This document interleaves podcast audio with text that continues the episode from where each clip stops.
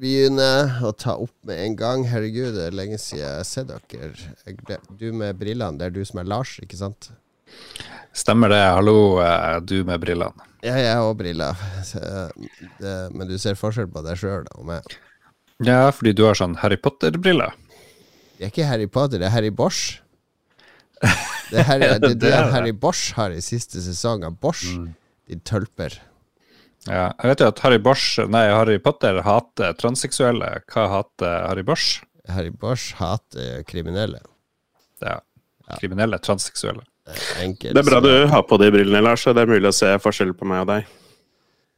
Ja, dere er er jo ganske like på mange måter, Philip og Lars og meg. Ja, det har vært påske, vi er ute av form. Kjenner det, det, det er mye vanskeligere å ha banter. Mye vanskeligere å bare la praten flyte. Vi har vært en sjelden uke uten Lolbua. Det, det er liksom én til to ganger i året. Det.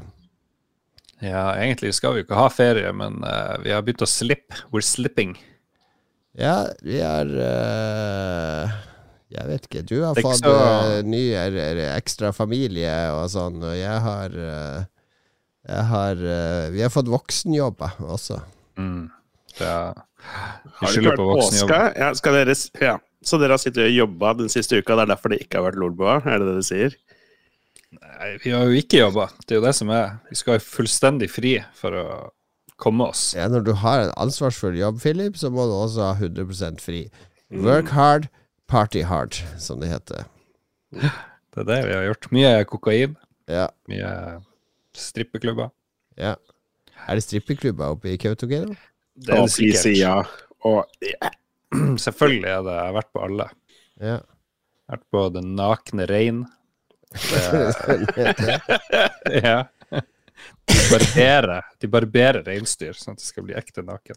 Oi, oi, oi. Liksom. Wow. Det er Det er det, er det er det som slår an i markedet Ja, det der fins jo mye, har jeg hørt, da. Hvis man går på sites som Tube Galore og X-Hamster og sånne ting, så fins det mye sånn der f.eks. for eksempel muslimporno, altså damer i burka og sånn. Og indianere og sånn.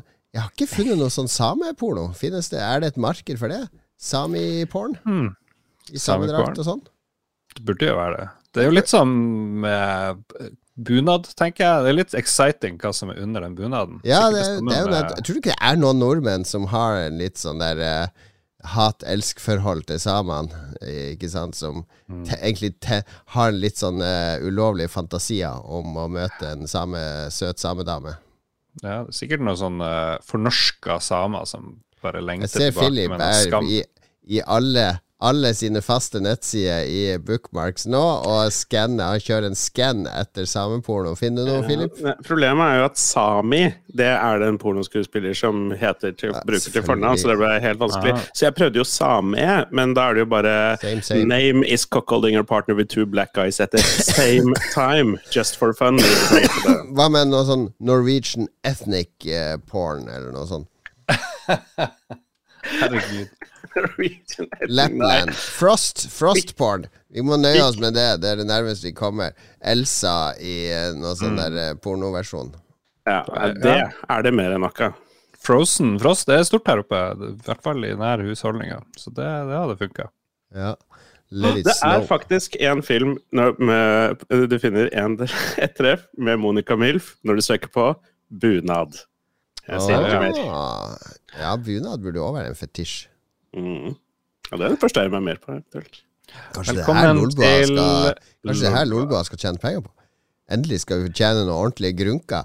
Lars, du har samemarkedet. Jeg kan cornere bunadmarkedet. Vi, vi har råd. Kjøpe noen kamera, utstyr, og så setter vi i gang. Jeg kan kjøpe meg en poncho og en sånn stor meksikanerhatt. Ja, ja, ja, ja. Ja, altså, Bare finn det samiske ordet på bangbus. Så Galtabussi! Galtabussi kommer! Kom dere inn på Galtabussi, damer! Ja, men vi er inne på noe. Jeg- Og jeg har jo vært på en vaskeekte pornofilminnspilling. Ja, du, Det du sånn har experience, ikke sant? Mm, Ja, mm. Jeg Kanskje noe en nettverk? En hel helg på Sexhibition, var innom Cupido, var på pornofilminnspilling på Oslofjorden. Så jeg kan det der. Jeg har vært, var gjennom hele bransjen på tre dager. Men du spurte ikke de kritiske spørsmålene. Hvor er representasjon? Hvor er samene og minoritetene i Norge? Jo, men vet du hva? Han der Sasha Gabor, han der eh, litt kortvokste eh, norske fyren, han var vel delvis same. Han for rundt i, i bunne i, i kofte og benga løs. Han gjorde det. Jeg, jeg gjorde det. Ja ja. Nei, men da har old, old news. Har vi en ny, ny Velkommen til Lolbua etter påskeferie, lyttere. Vi vet dere har savna oss. Really? Ja, det er bra. Tror du Godt ikke det, Lars? tilbake. Tror du ikke at de er glad for å høre oss igjen? Jo da Ja da. Vi ja, lyser ja. opp hverdagen til mange. Vi lyser ikke opp nok som Tenk, helst. se, vi har vært borte i påske, alle som har posta bilder av Lolbua-solbrillene sine i, uh, ute i påskeværet, ikke sant? De hadde jo ikke gått rundt med de solbrillene hvis de ikke følte en slags stolthet av å Jeg, jeg tror nok det har hjulpet Jeg tror det mange har merka at det har vært en hel uke uten Lulba-episode. Jeg tror nok mange går og kjenner litt på det. At «Oi, men, nå er det litt uvanlig. Jeg pleier egentlig å høre på Lulba jeg er rundt nå. Så kommer jo endelig denne episoden her, da. Og så går det ca. til nå. Og så tenker de hvorfor savna jeg dette her så mye, egentlig? Men gi det ti minutter til, så slår Stockholm-syndromet inn. Ja, Og så er det bare å, dette er så hyggelig at det, de, de som er patrions over et visst nivå, de har også fått to roffelbuer de siste to ukene. Ja. Den, den siste er jo med en del synging i. Det ene, ene tilbakemeldinga jeg så, var ja, dette var jo en greie. Var liksom tilbakemeldinga jeg så på at vi driver og synger og bretter ut sjela til luxe. Jeg har fått opptil flere tilbakemeldinger fra lyttere på, på privatmeldinger om at dette her, dette var veldig artige greier. Ja. Du vant jo, så skulle bare mangle at du var det Ja, ja, Ja, ja. Du hadde en knallgod låt, og. Og det er så vår låt òg, ikke sant? Du traff riktig på timing og alt, og når folk hører det Det er umulig å ikke bli glad. Danse bortover veien mens man hører på podkast. Ja. Men jeg kunne vi- Jeg var nesten oppe og snuste på uh, førsteplassen, jeg òg, men det var én av folkene som ga meg veldig lav karakter, og jeg tror det var du, Jon Cato. Jeg bare sier det. Jeg er ganske Nei! sikker på at det var du. Ja, jeg er ganske sikker på Nei, at det var du du. hva, det kan jeg sjekke her, hva jeg sendte han Philip. Ja, men det eneste jeg kan, det eneste jeg kan er fordi Se her, det er jeg jeg som sendte er Ståle 4. Ikke sant? Det er flinkis. Men du hører, Mm. han, han syntes det var flaut å synge den låten. Han la ikke sjela si i den. Det er med fire. Nei. Katarina fem. Christian fem. Lars seks. Philip ja! seks! Ikke sant? Oi, oi, oi. Jeg skal ikke komme her. andre. Nei, jeg trekk det tilbake. For du uttalte deg litt sånn Ja, du kunne, jeg kunne gitt mer. eh, Var liksom din Det er min jobb å holde deg litt ned på jorda, Lars. Ja. Selv, selv når jeg elsker det du gjør, så må jeg holde deg litt ned på jorda, og så gir jeg deg terningkast seks allikevel. Men jeg har tenkt Nå er det klart for duo eller ballade. Du- eh, duett? Duo-ballade spesial. Ja, ja, det må vi få til en gang. Oi, oi, oi. Det, ja. det tror jeg kan bli en sånn next Og for dere som lurer på hva i all verden er vi snakker om, så er det bare til å slenge seg på Patron på Lolbua, så får du tilgang til alle Rofelbua-episodene, og det er så mye artig. Så. Oh yeah, oh yeah. Men ja, hva har skjedd siden sist? Det har jo vært påskeferie, og jeg skjønner ikke din, Lars, så du kan begynne. Nei. Ja, jeg har eh, alle gangene jeg har kommet hit opp til Kautokeino, så har jeg fått litt vondt i ryggen. Jeg tror det har noe med senga å gjøre, men jeg bruker uansett å få vondt i ryggen. Jeg er mye hos kiropraktorer. Jeg har jo anbefalt, i anbefalingen så har jeg kommet med flere sånne kiropraktorer og sånne som jeg har anbefalt. Men sist gang jeg var hos en, han Martin Liane, som jeg tror jeg har anbefalt, eh, han sa men bøyer du deg nok bakover? Bøyer du deg nok bakover? Strekk deg bakover, liksom. Og det gjør jeg jo aldri, men det har jeg begynt på. Jeg har ikke hatt noe vondt i ryggen i det hele tatt på tre uker. Så mitt tips til alle dere Er det her har anbefalingsspalten du tar nå først? Jeg har vurdert å ha det Jeg, jeg så henne i sendeskjemaet. Han la Ja. den i anbefalingsspalten først, og så var det Nei, nei, dette skal jeg ha i skjedd siden sist. Dette er good Altså, shit. du har jo posta så mye snaps oppe fra Kautokeino med konfirmasjon og det ene og andre. Det er jo så mye jeg hadde gleda meg til å høre om. Og så er det at du har lært å strekke litt. ja, det har gjort livet mitt mye bedre.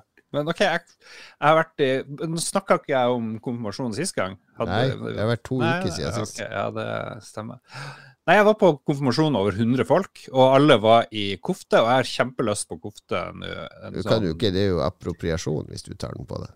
Ja, men hvis jeg er i lag med en same, så tror jeg det er lov. I hvert fall hvis vi liksom Har de en litt sånn eh, i lag. skamfull eh, De kjøper en sånn der eh, sånn, sånn som han der hoffnaren har. Eh, Som du må gå i fem år før du kan få sånn ekte.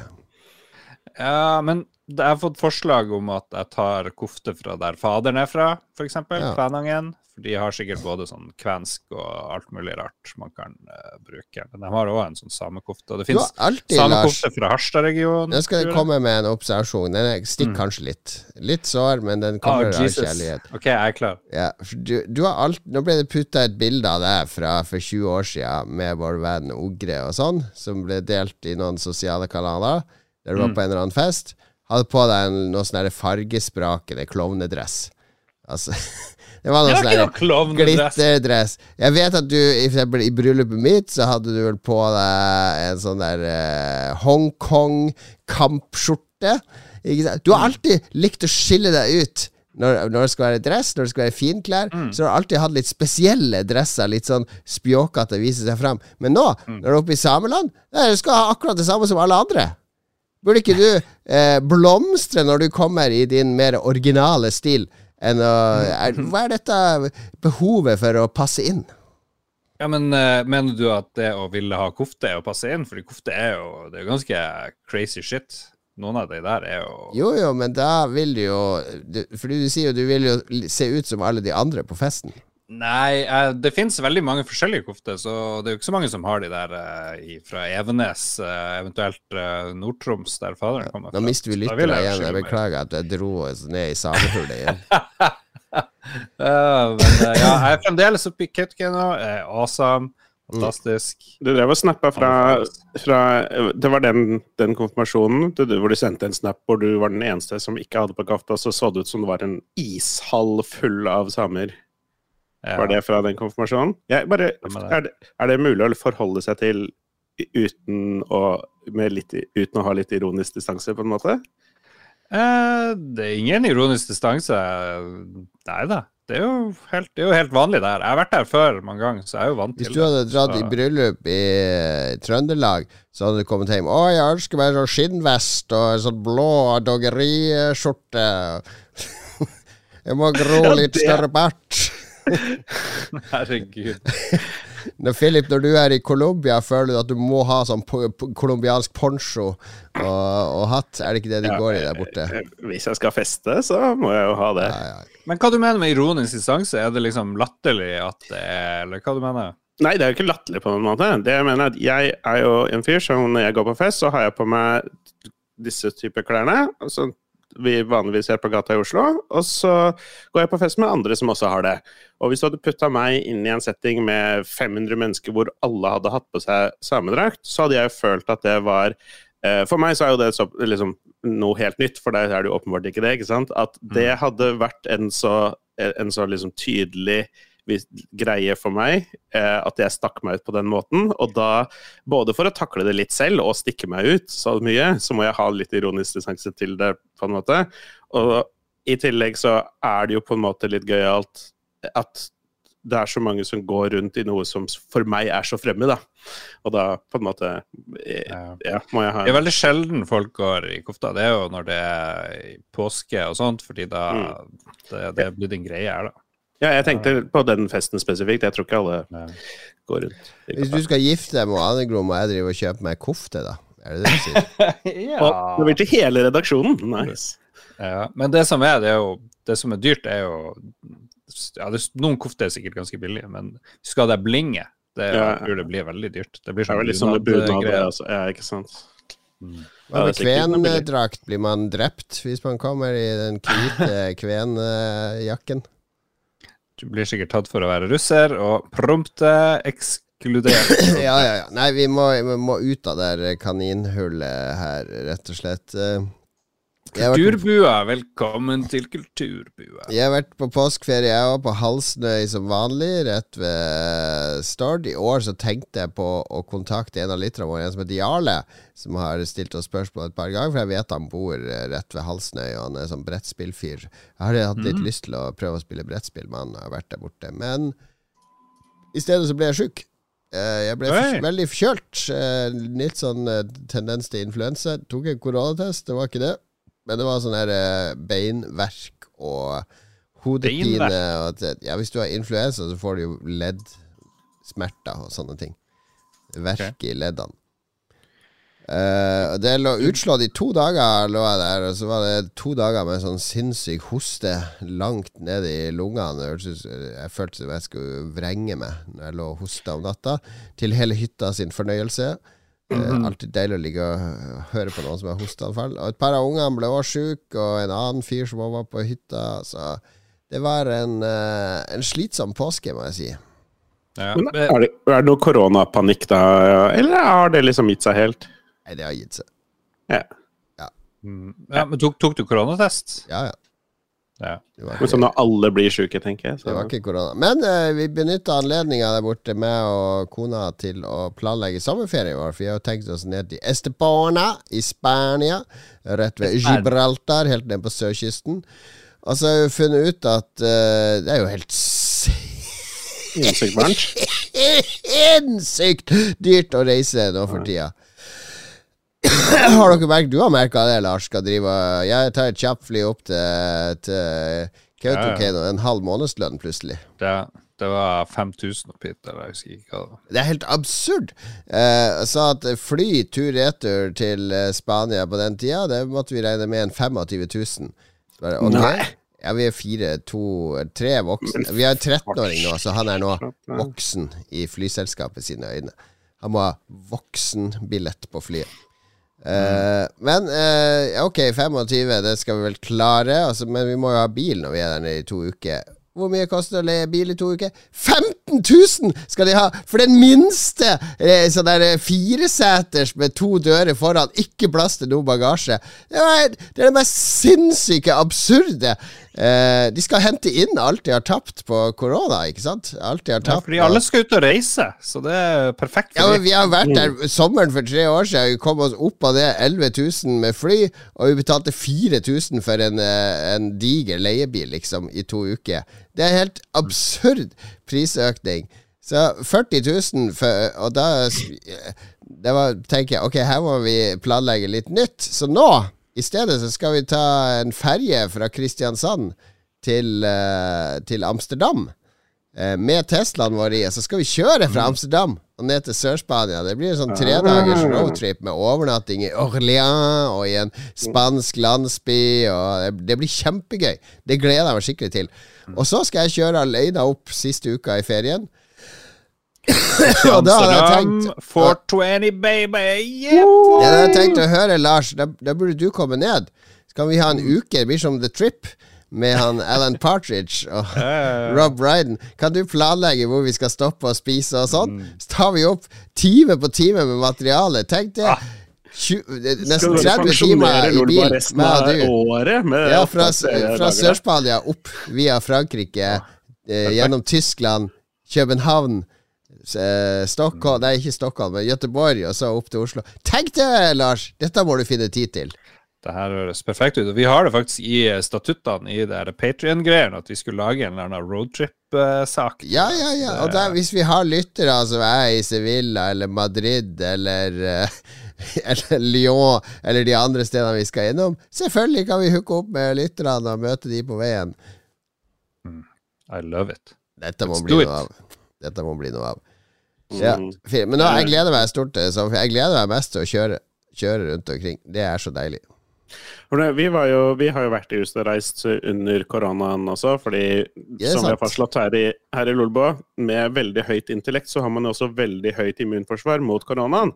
Eh, så det har jo gått helt fint med de fleste av oss. Eh, og i, når vi var i Tenerife, så var flybilletten var ikke så ille. Men hver eneste leiebil på hele øya var uh, enten utleid, eller de tok megablodpriser for. Så ja, det er sikkert mye av det samme greiene.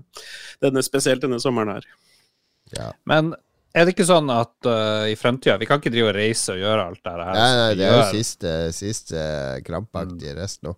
Så nå kommer de her prisene. Nå er det priser fordi det er mangelvare, fordi jeg vet ikke markedet, og så etter hvert så kommer det til å bli sånne miljøavgifter. Så da blir det å koste Jesus Christ mye. Det er kun de rike som kan reise på ferie. Jeg har ikke så mye behov for de feriene, men det er greit for ungene å oppleve litt. Altså, Kona har veldig behov. Da. Jeg kunne vært i Oslo hele ferien. Kunne sittet her, og prata med dere hele ferien. Det er min idealferie. Laga content for lytterne. Det er, det er min Mm. drømmesommerferie. Så eh, beklageligvis må, jeg- må jeg ta hensyn til familien, kjære lyttere. Dårlig. Hva med deg, Filip? Nei da, jeg har eh, ikke hatt så veldig spennende påskeferie. Jeg har jo holdt gjort Jon- Cato Feirer du påske? Blir det pynt? Påske, påskekyllinger her og der? Litt gule Eh, lys? Det skal noen, eh, for å si det sånn, det er noen egg som skal gjemmes både her og der. Ja, såpass. Eh, oh, ja. eh, Puff. ok. Så vi har ikke reist noe spennende sted, som eh, dere holdt her på å si, men det har skjedd litt spennende ting også. Eh, jeg har gått og, gått og falt over et nytt styreverv. ja vel. Og dette er både interessant fordi det har med meg å gjøre, og det er spillrelatert. Eh, fordi det er dette som heter Norges e-sportforbund. Er du i styret der nå? Oi. Som Ja, har, eh, har vært de som ville slå seg på lag med sånn pokergreier og sånn online gambling. Ja, Det er jo artig at du nevner det, for Norges e-sportforbund har jo vært rundt en liten stund nå. Og de har um, Ja, for de som, vet, de som kjenner til det, kjenner gjerne til noe av den litt dårlige uh, omtalen de har fått. For å ja, ville samarbeide med bookingselskaper. De hadde noe hvor de ville samarbeide med en sånn superkristen forening som eh, Ja, ditt og datt, som var litt sånn i gråsonen osv. Så, videre. så de har fått mye dritt, og det har vært litt mye ut og inn av liksom Eller de som har sittet i styret, har visstnok liksom fått litt dårlig rykte etter hvert og sånne ting. Så eh, noen måtte ta noe grep, og det er jo ikke meg. Det er ikke Det. Nei, oi, oi, oi. Men eh, noen måtte ta noe grep, og nå var det en ny eh, generalforsamling nå, nå siste uke. Og da var, ble det satt ned forslag til nytt styre. Masse liksom, flinke folk, visstnok. Um, kontrollkomiteen har eh, funnet en, en, eh, en leder, og nå har jeg glemt navnet hans. Himanshu Gulati, Frp-politiker. En Frp-politiker fra Tinget.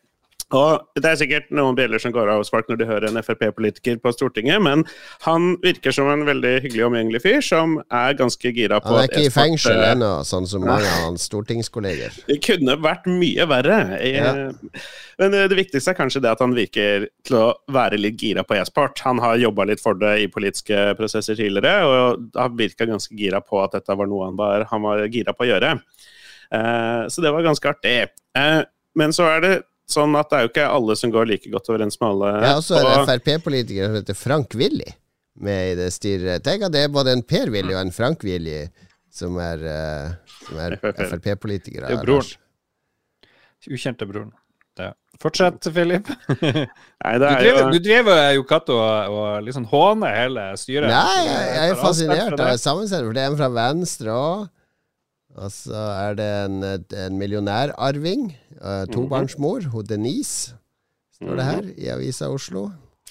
Ja, som er jo en helt annen type profil igjen, hun Denise, som eh, har eh, vært mye sånn grasrot, e-sport, engasjert over mange år og fått mye innpass og uh, har mye peiling. Men de har satt sammen et mangfoldig styre, høres det ut som. Ja, det, det har det. De har prøvd å bygge litt opp på nytt igjen. Beholdt et par av folka som eh, ressurspersonene, eh, og skal ja, bygge, bygge en litt ny greie. Eh, men så Jeg skal ikke si for mye om det liksom, politiske spillet bak det, men det var en av de som kontrollkomiteen hadde innsatt til å være i styret, eller foreslått å være i styret, som har eh, skapt seg en del eh, Jeg vet ikke, det virker som han har skapt seg en del eh, uvenner eller litt sånn dårlige forhold med noen i e-sports-Norge. Så det var noen som var veldig lite gira på at han skulle eh, sitte i styret, i frykt for at det skulle hemme arbeidet til det som Norges e-sportforbund nå kan gjøre. Så jeg blei kontakta og foreslått til å, om jeg kunne tenke meg å, å prøve å benke da, meg inn som, uh, som alternativ til uh, til, til denne personen spesifikt. Nå ble det jo ikke, det var ikke som valget blei mellom meg og han, det var jo et valg dette styret, disse i styret, eller Ja, ja, ja. disse i styret, altså valgte mellom noen av de. Men eh, det ble da det styresammensetning med Philip som gikk av med seieren. Eh, så da har det kommet ut noen e-poster i dag og, om at vi endelig skal få ballen til å rulle nå om ikke så veldig lenge. Og så får vi se hva vi kan gjøre for e-sport i Norge. Ja, men gratulerer med styreverv. Tusen takk. tusen takk. Er det, hva er styrehonoraret? Har du fått det på plass? Ja, det må jo Det skal, det skal være fett. Ja, vi må diskutere det. Jeg har kontakt, tatt kontakt med mine representanter. Men uh, det, det, er litt sånn, jeg har jo ikke noe forhold til e-sport i Norge, egentlig. Ja, for dette har... lurer jeg på, fordi mm. du var jo oppe på Spillegal og tok imot uh, prisen for Jeg husker ikke hva den prisen het lenger. Årets Community 20, Årets Community. 2009 der hele Spillegal, med du med hele Spillegal, alle de gærningene i ryggen, bare gikk ut og eh, rett i halsen på battlefield.no og de andre som bare Ja, dette er en hån mot e-sporten, og bare Ja, fy faen, kommer aldri til å bli noe sport å sitte og spise potetgull og trykke på en mus, eh, din feite slask, og Det er der du kommer fra, liksom. Og nå er du i e-sportforbundet. Ja, if you can't beat them, join them, alt jeg vil si. Nei da, jeg har jo ikke hatt noe imot dem på noen måte. Men du har jo vært e-sportmann, du har jo spilt mye ja, det er sant, det. det er sant. Ja, for det, det, jeg var jo med og, og, og, arrangerte og drev med dette Heroes uh, of the Storm-ligaen, uh, Heroes Lounge, som er verdens største amatørliga i veldig mange år, er det fortsatt. lever i beste velgående av tusenvis av spillere etc. men alt det har vært på et helt annet, liksom, enten internasjonalt eller spesifikt et spill. så jeg har overhodet ikke brydd meg om den norske scenen i det hele tatt. Uh, men, men det er, jo, er, litt av fordelen, tror ja. jeg. Og så er du jo for eksempel ganske god venn med Erling Rostvåg, som er leder for uh, Telia-ligaen og Good. Game og alt sånt. Så du kan jo e-sport. Ja, ja, jeg kan struktur, jeg kan organisering og litt sånne ting. Og jeg har litt erfaring med hvordan ting gjøres, i, gjøres utenfra, eh, i helt andre typer settinger. Og jeg tror det egentlig kan være en fordel jeg, å ikke jeg har, jeg har, ikke et stort nettverk i e-sport Norge, men jeg har heller ingen brente bruer. Jeg har ingen dårlige forhold. Jeg har liksom alle blanke ark og bare mulighet til å være kreativ og være med og bidra. Da. Så forhåpentligvis blir det noe bra av ja, ja, men dette blir bra. Dette blir bra. Uh, jeg har snakka altfor lenge allerede, men jeg er, nø jeg er, nødt til å ta opp noe når jeg først er her, fordi vi har en produsent. En av mine Han er på topp ti-lista mi over mine favorittprodusenter oh. vi har til Olboa. Uh, det er han onkel Stian. Uh, for han har forsøkt å ta opp det på, på, på discorden vår litt, og venta på at det skal bli tatt opp i Lolbua i ukevis. Og, det, mm. eh, og han ville, vil ikke sende det inn som lytterbidrag, for han bruker ikke Facebook. Så da ba han om å ta det opp nå. Og det har jo med dette Harry Potter, det nye Harry Potter-spillet å gjøre. Ja. Mm. Lang historie kort, så kommer det et nytt Harry Potter-spill, bla, bla, bla, ser sikkert ok ut. Men da, det han lurer på først, på en måte, er er det greit å like det, selv om Rowling er liksom ond og sånn. Ja, vi var jo innom det da vi sammenligna briller tidligere i sendinga. Ja. Jeg vet ikke. Er det lov å like uh, Knut Hamsun sin ting, selv om han var nazist? Kan du ha kunsten til Hitler hengende på veggen hvis du var nede mm. i Østerrike og kjøpte den i 1917? Shit. Ja, vil du det? Ja, nei, jeg, jeg vet ikke helt. Jeg, jeg syns jeg var egentlig litt sånn svevende på hele greia. Jeg tenkte først at jeg, jeg driter egentlig litt i det. Hvis spillet er kult, så kan man spille spillet. For det har jo egentlig ikke noe med rolling å gjøre, men hun vil jo tjene penger på at spillet selger bra, så mm.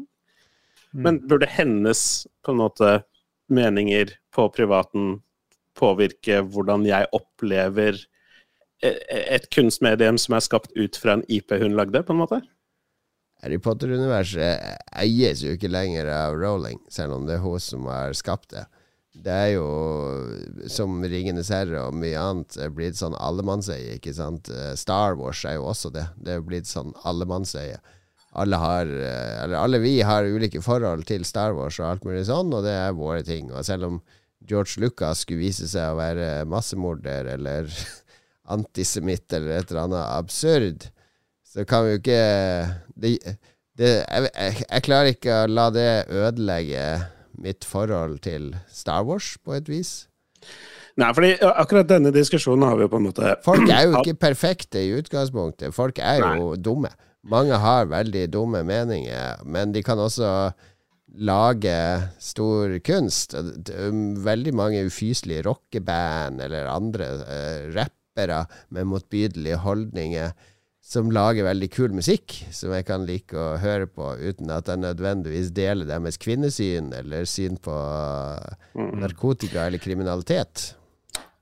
Eh, jeg tror nok at vi tre er ganske enige om det eller sånn generelt. Og dette er noe vi har snakka om tidligere også, eh, sikkert eh, over flere enn en anledning. Men det som gjør det litt nytt nå, som han onkel Stian reagerte veldig på, er at en, eh, han hører på andre, andre spillpodcaster enn oss, og så var det en av de som gikk litt uh, tydelig ut og sa at uh, han eller hennes uh, forhold til Rowling kommer til å påvirke hvordan han opplever spillet.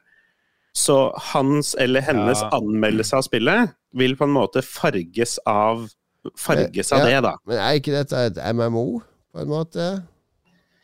I, nei Nei, hva er det for noe? Ja, jeg vet ikke. Men uansett om det er et MMO eller ikke, så, så kan du jo la deg farge av uh, hva du vil. Alle er jo individuelle, alle er jo forskjellige.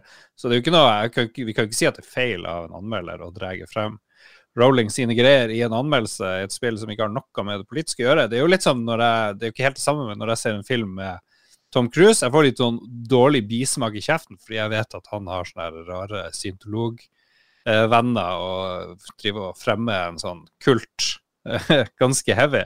Det gjør jo at jeg blir litt sånn Ja vel. Og hvis han nå driver og produserer en serie, så vil jeg kanskje tenke på det fremdeles. Men eh, vil jeg tenke på det i Top Gun 3, hvor han ikke er med i det hele tatt? Jeg vet ikke. Jo, Ja, mer, tror vel- jo mer fjernt det blir, jo mindre vil det påvirke. Men alle, vi er alle forskjellige. Jeg kan ikke si at det er galt av noen å, å trekke de trådene. Ja, for jeg tror vel tanken her var at uh, det vil påvirke på en måte terningkastet. Og det var noe onkel Stian reagerte på. Ok. Ja, men Hva vi snakker om nå? Snakker vi om uh, En anmeldelse er jo Olsen, din som jeg så tweeta, kom sub- til å tenke på der? Ja, det er jo din subjektive opplevelse av spillet, ikke sant? Yeah. Hvis, du, hvis, den er jo subjektiv. hvis det er viktig for deg i opplevelsen å se dette gjennom et uh, uh, filter der du, du tolker det i lys av det forfatteren sier, har sagt de siste årene, så er det viktig for deg. Det er jo helt legitimt å, å, å lage kulturkritikk på de premissene. Og hvis du velger å ignorere alt det og bare se på Harry Potter-universet som helt frittstående fra den personen hun har vist seg å være de siste årene, så er det også en legitim måte å gjøre det på. Eh, og hvis du er sånn at du mener at du kan kun gjøre det ene eller det andre, så er det jo du som har et problem.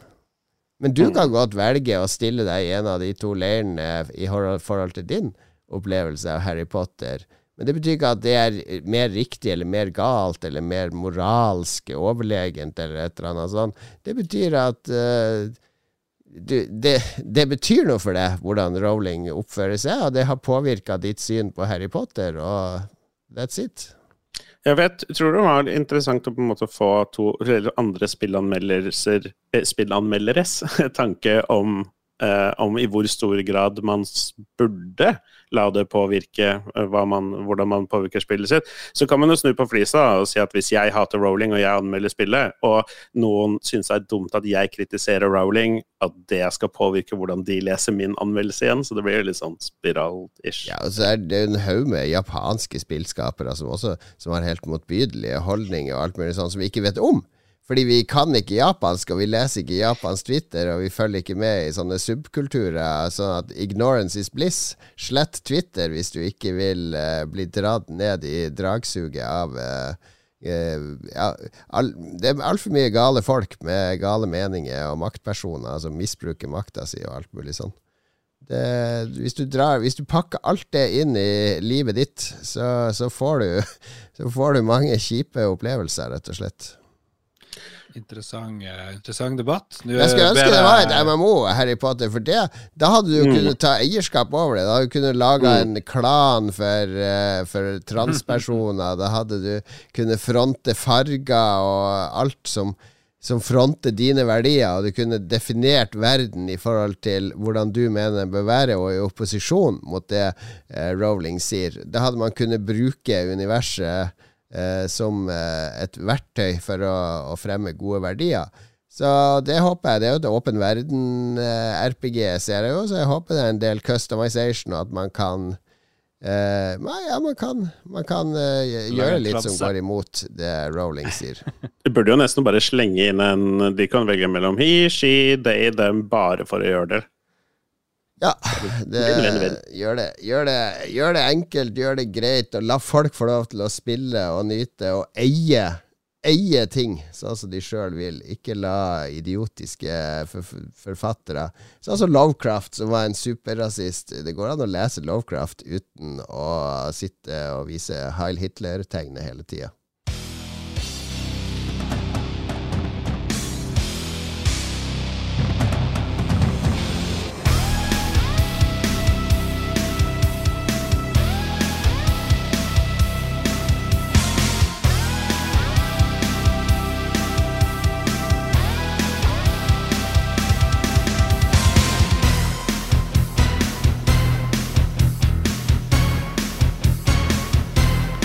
Det er litt klassisk Golden Eye her, men eh, er det noen som har sett den nye James Bond? Yes, I have. Yes, I have. Er det sant, han, er det sant at han dør på slutten? Han dør på slutten. Oh. Har du sett den, Philip? Du har muta det. Philip har muta seg. Ja, jeg har det, men er ikke den, det er, den Ja, det er den nyeste, for det er ikke noe ny. Det er jo sånn 2021 eller noe sånt. Det er jo old news. Ja, den, den ble vel spilt inn Den ble spilt inn for så lenge siden at den ene mobilen de bruker, var jo gått ut av produksjon når den endelig kom, for den ble utsatt så mye under korona. Det suger når du har betalt en halv million eh, for produktplasseringa. Jeg tror det koster litt mer enn en halv million å få Jeg hadde tenkt å si en halv milliard, men så føltes det for mye. Altså, nei, ble det Halv million, det er en produktplassering i lange, flate baller. Får deg en pølse med vaffel i, plassert i lange, flate baller hvis du betaler en halv million, Philip. Hvem dere vil ha som ny James Bond, siden han, eh, Daniel Craig tydeligvis eh, dør? Hvis ikke det blir noe sånn twist. Jeg vil ha han der uh, Bobcat uh, Braithwaite.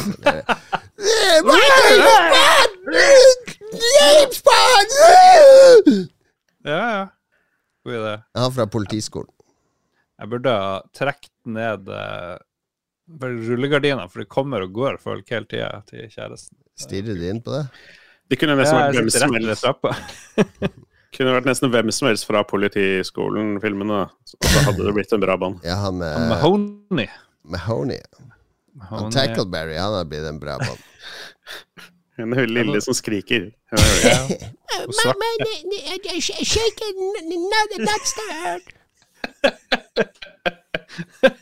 Jeg vil, vi vil ha ny politiskole. Ja, det er det vi vil ha! Fuck bånd! Gi meg Politiskolen 9, eller hva det er. Crossover. crossover. Ja. All right. Nei, men uh, ja, det var bare fordi vi hørte på uh, musikk Frigatt-musikken fra, fra Golden Eye, klassisk Nintendo 64. Og uh, selv Lars, du har spilt litt klassisk spill eh, nå i påsken. Ja da! Jeg hadde jo med meg Xboxen, jeg lot PlayStation være, og jeg har spilt Outer Wilds, eh, Annapurna-utgitt spill fra noen som jeg ikke husker hva heter. Ja, det er altså dette og... spillet der du er i sånn lite solsystem med små planeter. Utrolig sjarmerende. Du har en sånn hjemmesnekra romskip du kan lette opp, og så er det sånn eh, Jordklodene og månene er så små at du kan liksom bare lande og springe rundt dem ganske fort. Noen av dem, da. Noen er litt større, da, men Mm. det er litt sånn det er. Og, det, og så er det liksom folk der.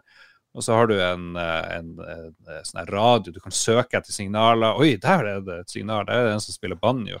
Det er han der fyren der, han har vært savna, så kan du fyke rundt. Og så er det en sånn Lost Civilization som har vært der for lenge siden, så finner du spor av dem. Og det er utrolig gøy. Springe rundt. Og så eh, resettes verden etter 22 minutter, eller hva det er, hver gang. Da går sola supernova, så begynner alt på nytt.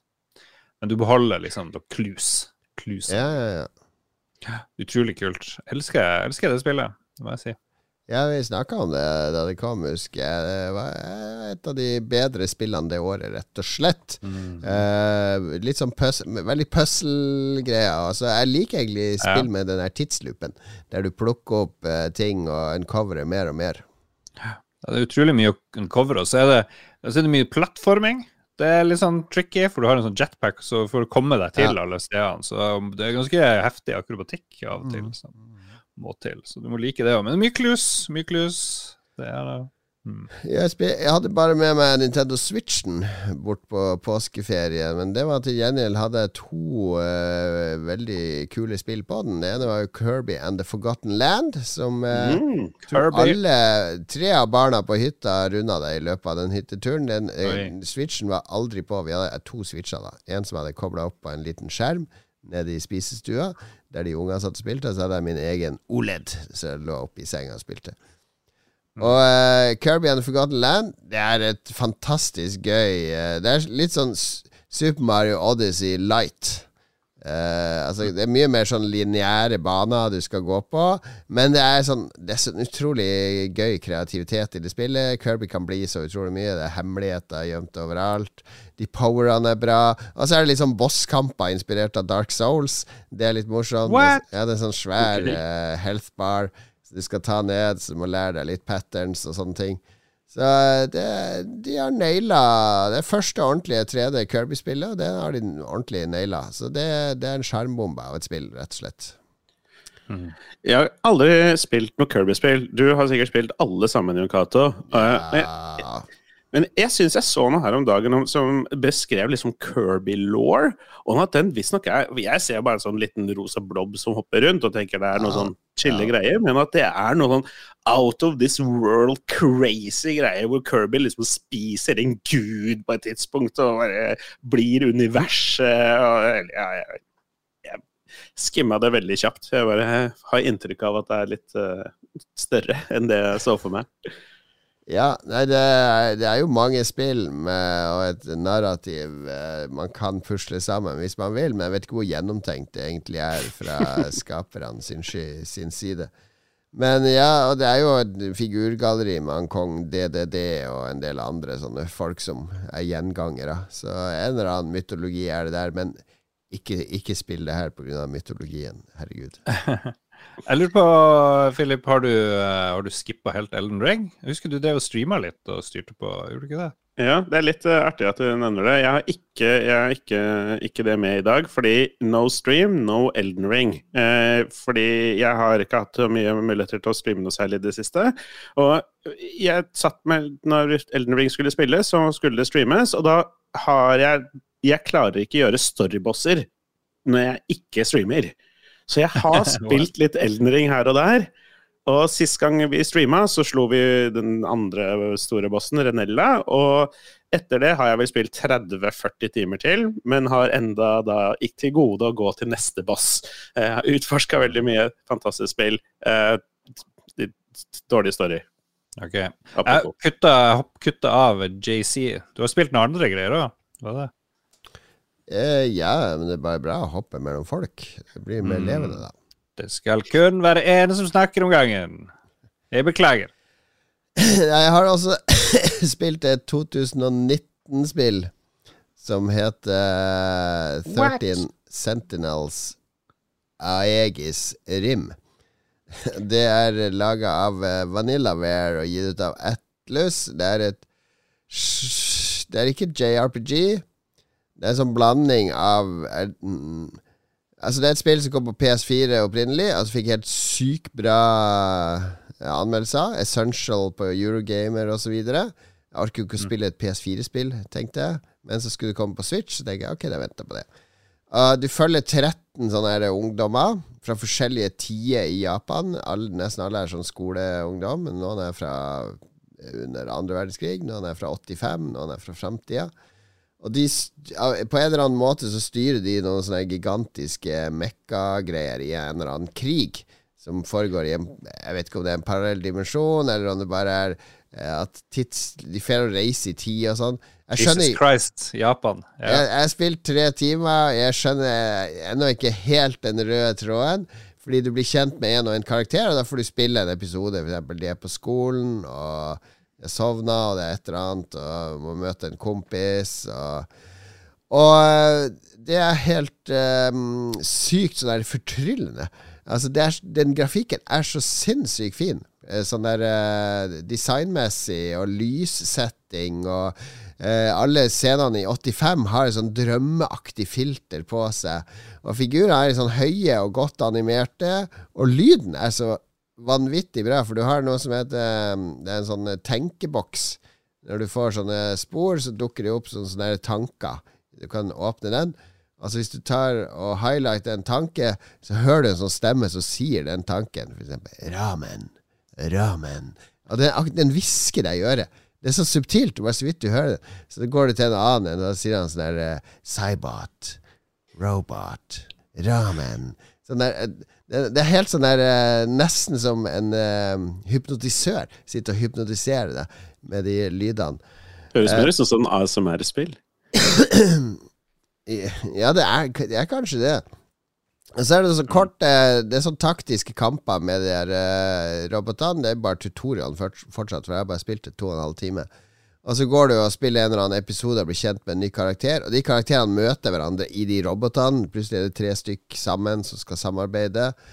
Eh, så det, det, er fortsatt litt kaotisk, men det er noe magisk her som jeg er på vei mot. Det, det merker jeg virkelig. Altså er det litt sånn ekkelt òg, for det er, de er jo sånn 16 år 16-årige jenter som sitter nakne i de her robotene. Og sånn. jeg, føler, jeg blir jo 50 år. Jeg føler meg som en gammel gris av og til når jeg spiller der. Det er selvfølgelig en sånn sykepleierdame med enorme animepupper. Og... Ja, det er jo Japan. Men, det, men jeg, jeg, tenkte meg en gang på Neon Genesis eh, Evangelion. Ja, det har noe, noe Neon Genesis Evangelion-aktig over seg.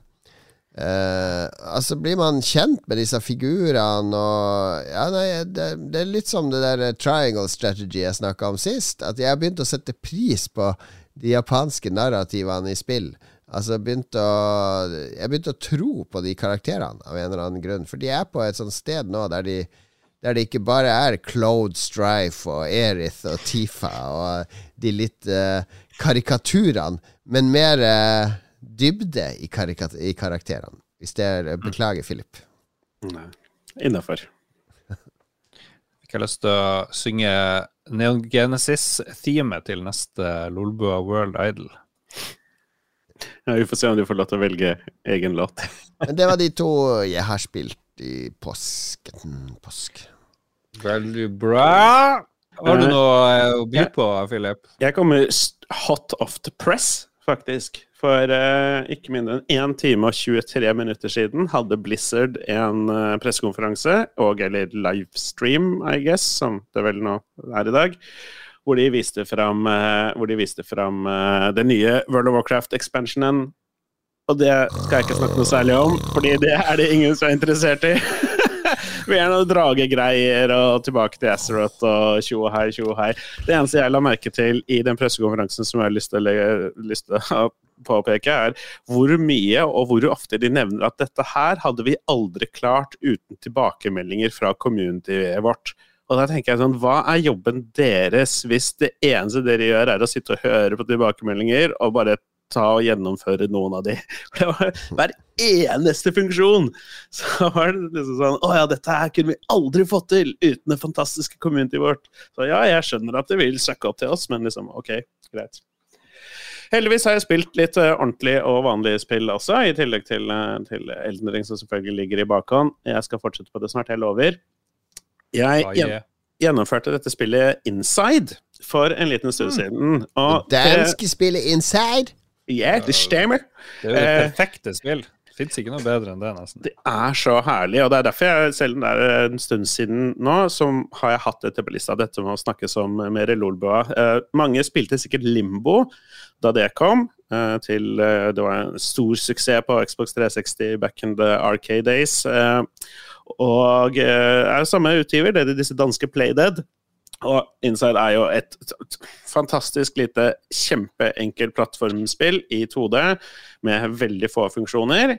Eh, hvor du Ja, det er, det er vel et Hva kaller man det? Puzzle platformer? Ja. Et ja. narrativ puzzlespill. Nei, plattformerspill. Ja. Det, dette narrativet Det er jo så spesielt i disse spillene her. fordi de, du blir jo ikke fortalt noe som helst. Du blir bare sluppet løs i en skog, og så styrer du en gutt, og så begynner du å gå til høyre, og så opplever du ting som du aldri fortelles på en måte. Det er ikke noe tekst, det er ikke noe item som sier Oi, Nei, det dette er her skjedde. Opplevelsen som formidler Mm. uh, handlinga, rett og slett. Akkurat sånn som det skal være i spillet. Og jeg, jeg merker at det gikk um, det, det tok meg litt tid å, å synke inn, for jeg så på Gellaria spille det først, uh, før jeg spilte det selv. Og jeg titta på en måte innom her og der, og når hun kom til slutten Og det er jo litt spoiler for slutten, men uh, det er gammelt spill. Men man ender jo opp ute i sola, på en måte. Og Mm. Hun skjønte ikke hvorfor det på en måte var en greie i det hele tatt. Og det var vanskelig for meg å sette meg inn i uten å ha spilt spillet selv. Uten å ha vært med på den reisen fra start til slutt som gjorde at man endte opp der.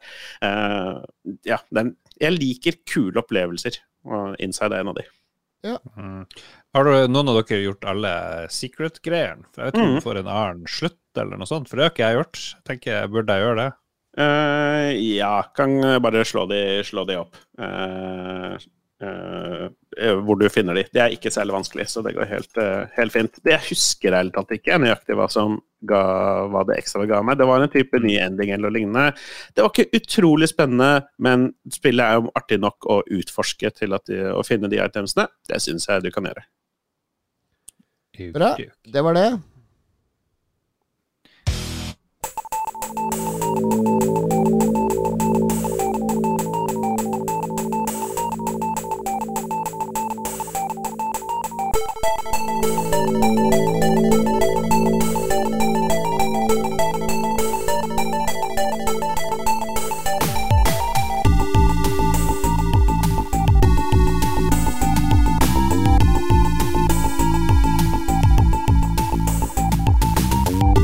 For oss ukjente spillet Eve Burst Error på eh, den japanske spillemaskinen PC98.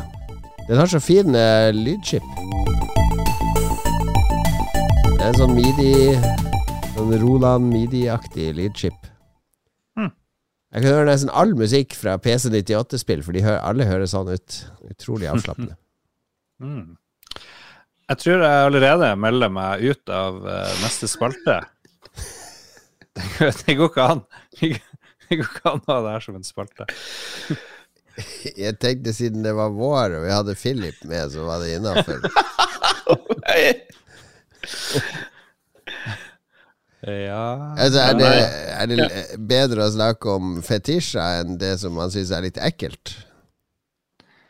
Vet ikke om noe av det her er noe jeg vil snakke om. Vær så god, vær så god. Det er ingen klipping her, må dere huske. Det som står i sendeskjemaet uh, Når jeg nevnte her for en time siden vi må ha en ekstraspalte, så ble det slengt inn uh, 'Våre yre menn seksuelle antifetisjer'. Uh, det er ikke jeg som foreslo det, det er en av de to andre. Dere kan gjette selv hvem. Um, Jeg kan fortelle litt om bakgrunnen og min antifetisj. Eh, Kommer ut av den. Fordi i dag Så jeg hadde en litt eh, trasig dag. Eh, jeg hadde på, på meg helt nye sokker, og så har jeg fått noen nye sånne Adidas-sko som jeg hadde litt problemer med før, for de har så utrolig stiv, sånn høy eh, hæl. Eh, så jeg fikk skikkelig gnagsår første gang jeg brukte de. Kom, kom blod i skoene og sånne ting. Så det tok meg en uke fordi gnagsårene hadde hæla. hela. Altså, det har jeg ikke brukt de skoene siden da. Så tenkte jeg nå er det sikkert mykna opp, så jeg kan bruke de i dag. Og Samtidig som jeg hadde de, så hadde jeg litt sånn her uh, ny sokk på. Helt ny sokk som min kone har kjøpt. Hvit. Uh, Gratulerer. en slags tennissokkvariant. en Så slags. Det er alltid det, er det deiligste i verden er å ta på seg helt nye sokker. Ah, nydusja, nye sokker. Det er deilig. Så jeg tror tok på de, uh, men så et eller annet Den sokken er litt sånn krøllete, for det var akkurat så det klødde litt sånn under, under uh, foten framme ved tærne. Uh, Mm. Så ja, ja. Men på med de skoene, og så har jeg gått rundt med de på jobb i hele dag, og det har alltid vært litt sånn krøllete under den sokken. Eh, og så har jeg kjent nå på slutten av dagen Nå begynner de gnagsårene å komme. Helsikes drit. Så jeg sikla hjem, og der var det jo blod og alt. Gnagsår. Men beina så helt jævlig ut, fordi de her nye sokkene var sånn der som loer skikkelig, da. Så det så ut som så slagmark under beina. Og i tillegg, det der som jeg trodde bare var sånn krøll på sokken, det, det var en flis som jeg har gått med i foten nå i, i to dager. Så Så det var sånn skikkelig vondt, så jeg satt og pilla ut den flisen med neglesakk og, og, eh, og eh, en pinsett. Og da så jeg jo at eh, tærne mine er jo long overdue å klippe. Altså den lilletåa mi så var helt sånn der gigantisk gul stubbe. Så jeg begynte å klippe den, og den må jo nesten sage den med motorsag, for den er så stor og tjukk, den tåa. Og mens jeg holder på med det, så tenker jeg Fy faen, for en idiot han der Tarantino må være, som, eh, som tenner på tær. Som liker å sutte på dametær. Det er no, det, er det mest selv, selv mine egne tær disguster meg. Jeg, jeg, jeg vil ikke se på mine egne tær. Jeg vil ikke se på tær. For meg så kan man godt ha på tennissokker når man skal ha seg i senga. Det hadde vært en forbedring enn nakne føtter. Så det er min antifetisj. Det er de der forbannede tærne. Hvis du driver og googler eller går inn på TubeGalore og skal se på fotrunk og sånne ting Fotrunk er faen meg det mest turnoff som fins. Vil jeg bare oversette dette her litt. Grann. Jon Cato kingshamer ingen av dere Jo, der ute det det som liker dette her. Er Ingen som teller på tær for får min respekt. Tarantino, burn in hell. Burn in hell, Tarantino. Her, er- her har Philip et image å ta vare på som eh, en Ja, ja. veldig tolerant eh, fyr når det kommer til alt seksuelt, og der støtter jeg deg veldig. Og jeg synes jo, det her er jo egentlig selvhat. Du hater jo dine egne tær. Jeg, Jeg hater andres tær, og jeg har aldri det drevet og kyssa på noen jentetær. Det er jo du som har de verste tærne i verden, høres det ut som. Sånne lange, gule sånne her klør fra sånn uh, Masse blod og blod Ja. og Ja, de, og de beina under. Det var sånn Jeg kunne snappa de beina mine i dag. Det hadde vært Dag Thomas-materiale. Prime material, eh, som Dag Thomas bruker å snappe. Men eh, kan ikke du gå til en sånn eh, pedikyrperson, tenker jeg. Det kan være litt nok, Det er jo ikke noen gave. vits i å drive og forskjønne noe grotesk i utgangspunktet. Og male en bæsj. Herregud, for et forhold du har til føtter. Men jeg, jeg, jeg, syns han sier det godt når Ja, han også sier klart ut at han sofa. heller vil ha tennissokker. Hvis, sitter, hvis man er innendørs om sommeren med kompiser og sånn, sitter i sofa, og så er en kompis har kommet i sandaler, og han legger beina oppå bordet. Da kan du bare fucke off og aldri komme inn i mitt hus igjen hvis du kommer inn i tåfis og legger beina på bordet. Du har ingenting her å gjøre. Folk skal ha på sokker når de er på besøk hos meg. De skal ikke subbe rundt barføtt hjemme hos meg. Gjelder det kvinner også? Det er Ja, det gjelder kvinner og menn. Bare beint i Ok. Mm. Hm. Bare beint i sommersko, på en måte. Det er jo ganske vanlig. Ja, det, utendørs er det helt greit, men inne i mitt hjem Jeg skal ikke ha fremmede folks tær oppå eh, bordet eller på På skammen. dine flater. Nei. jeg syns Tarantino har løfta frem en del fine bein, da. Og Uma helt Bein er ikke eh, føtter. Bein er ikke Ja, ja, føtter, helt fine føtter. Ja, men jeg syns føttene er helt topp eh, der. da. Jeg, har ikke den der fotfetisjen, det har jeg ikke, men jeg har ikke noe imot det, liksom. Nei, jeg er nok eh, mer det Lars der. jeg. Jeg kan godt sutte på en fot hvis liksom dama skulle ha fetisj for det, liksom. Skal jeg, jeg skal be om å gjøre det, og skal filme det og sende det til deg. Nei, nei. Surprise! Ja. Film. Jeg var til å legge, på, legge til Jon Cato på Snap nå og begynne å slikke noen føtter. Ja, nei, ja. Jeg kunne også det er Hvis partneren min eh, har skikkelig lyst til det, så kan jeg sikkert I guess. Det Deal ikke så forferdelig. Men ikke, jeg, dine, ikke dine føtter, Jogato. Der setter jeg strek med de her Skal jeg få gule sutte på mine føtter på hyttetur? Æsj. æsj. Ja, hvis, du får, hvis du går gjennom manikyr først, pedikyr med deg, skal jeg sutte så mye du vil. og vi får fem nye patrons før turen. Jeg har, valgt, jeg har valgt å tenke på det litt, eh, litt annerledes. For jeg tenkte hva er det som sånn, liksom, mm, eh. Og det er har ikke noe med sånn utseendeting å gjøre, egentlig. Det jeg tenker mest på som er anti-turnoffs, er eh, folk som enten ikke er på en måte ærlige med eh, på en måte at de er, hva de driver med. Og da tenker jeg litt sånn på Da tenker jeg når jeg var litt yngre, og så, øh, og så var det en jente som kanskje var keen på å hooke opp med det, så lenge det var hemmelig. Og jeg kan, mm. det er liksom greit nok at, du, vil- at liksom folk ikke skal vite at vi holder på, men det er mer sånn herre Nei, jeg vil ikke at folk skal liksom vite at jeg har sex og sånn. Og det for meg er litt sånn For nå er vi blitt Det er jo 2022, nå er det lov til å pule rundt, på en måte. Både kvinner og menn og alle innimellom, på en måte, og det burde ikke være noe, uh, være noe i veien for. Uh, Er du sjenert i folk du tenker på? Nei, jeg er sjenert. Litt mer, litt mer nære Ja, jeg Fordi jeg innrømmer jo at jeg er en mannehore. Og det er sikkert mange menn som meg der ute som bare Nei, nei, jeg, er ikke så ille. He-he. Bare, bare, bare ta det. Det er sånn det er. Bare, bare å anerkjenne med en gang. Og det er helt i orden. Det er lov å være en slutt, uansett hvilket kjønn du er. Uh, og så tenkte jeg på folk som ikke ser ut som de har det bra. Uh, folk som er litt sure eller grinete. Og det er lov å være litt Snakker du om eh, eh, i, i hverdagen eller i, under akten? ja, ja, nei, sånn i, i hverdagen. Sånn, eh, hva, hva som Om det er noe som stopper meg fra å ha lyst Fordi mitt utgangspunkt er at jeg har lyst til å ha sex med alle. Så for meg er det jo noe, er det noe som stopper meg fra å ha er lyst til å ha såpass sex med dem. inkluderende. Ja, hvorfor ikke? Det, Kari Jakkesen på døra.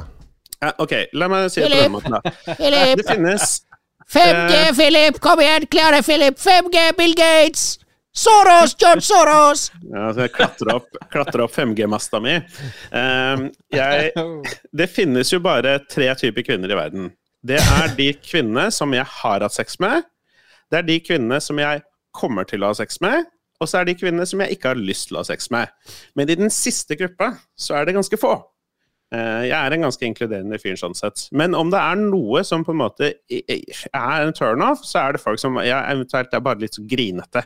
Som ikke er fornøyde. Når jeg ser noen gå på gata, og så ser jeg en jente og tenker oi, kanskje hun var pen, og så ser jeg at hun kanskje ikke har en bra dag, så blir jeg sånn Da er hun sikkert ikke i humør til å ha noe bra sex. Fuck you, da får du ikke sex med meg.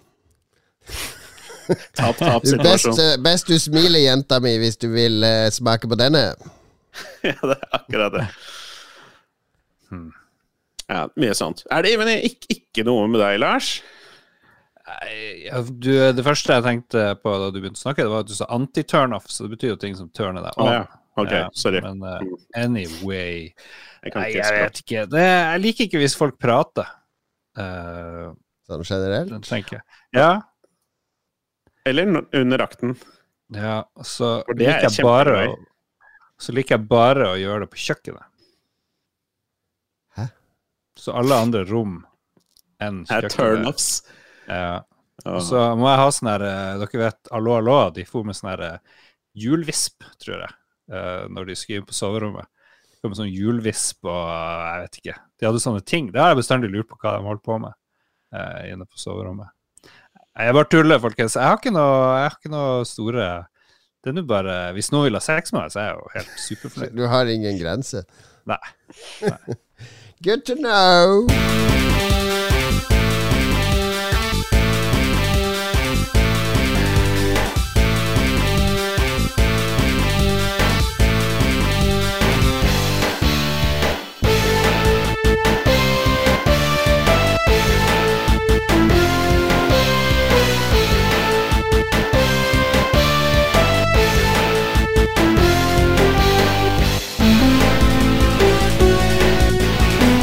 Garo Mark of the Wolves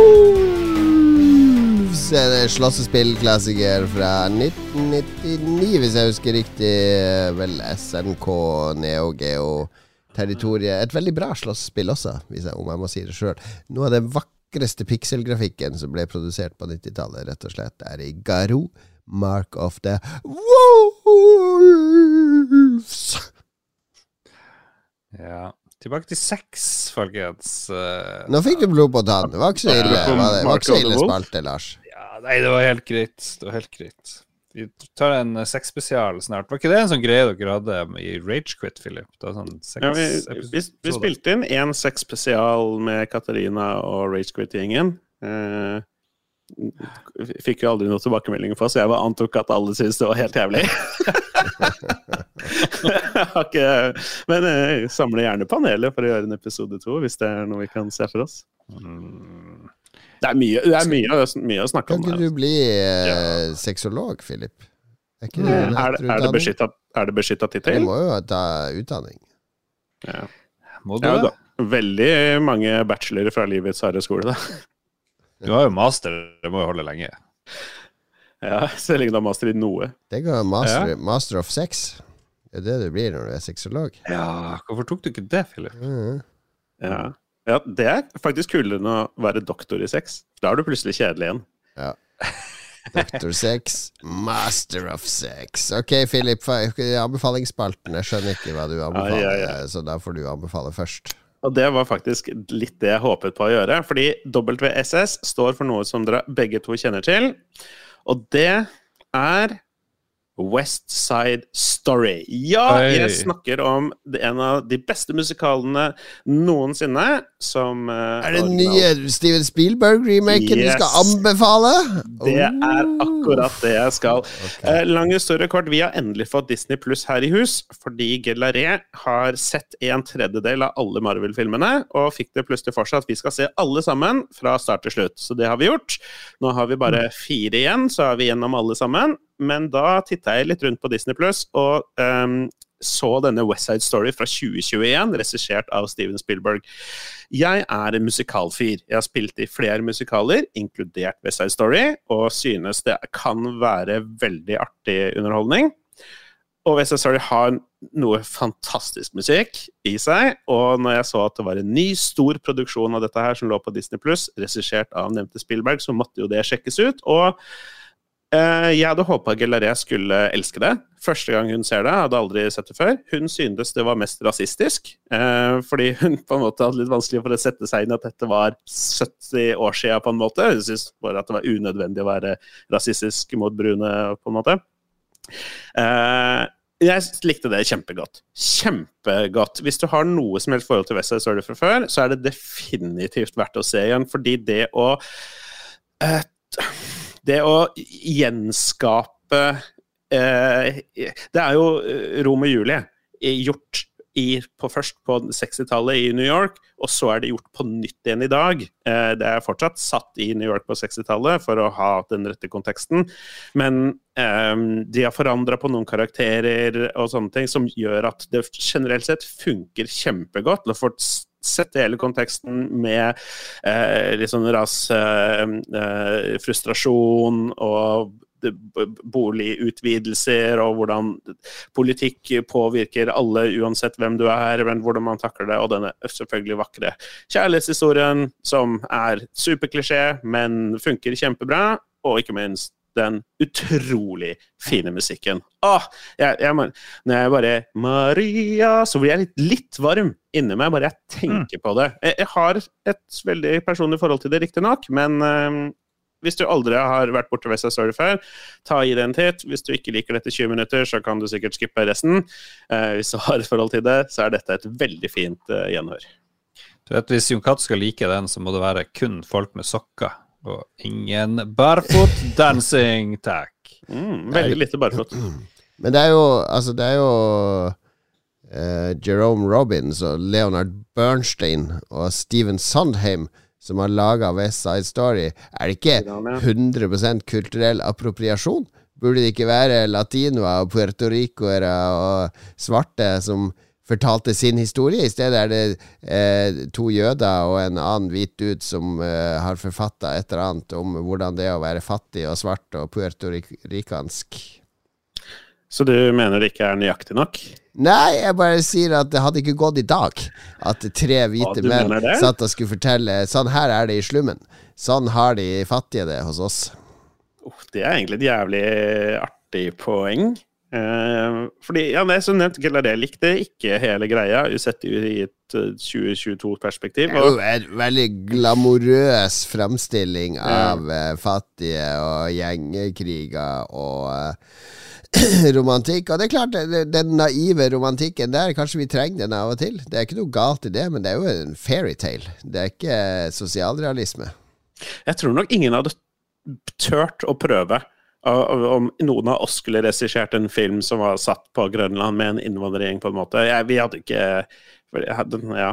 Vi overlater det til de som kommer fra miljøet sjøl, I guess. Ja, ja, det er kanskje litt spesielt. Men heldigvis var Lene Bernstein utrolig flink til å lage skikkelig skikkelig fine sanger. Så det Ja var, Så det er er viktig. Og jeg så, den, jeg så halve med, med ene sønnen min før jeg sovna.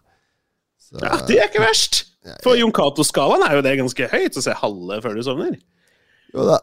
det gikk. Men han ble ikke Han er veldig glad i musicals. Han elsker Encanto, for eksempel. Ah. Eh, We don't talk about Bruno. Og så videre. Det, han kan utenat Han kan utenat alle Encanto-låtene. Det har sett 100 ganger, men West Side Story, det var sånn eh. Yeah, yeah, whatever. Uh. Jeg kan se det. Jeg skjønner. Ja eh, jeg- skal jeg ta min?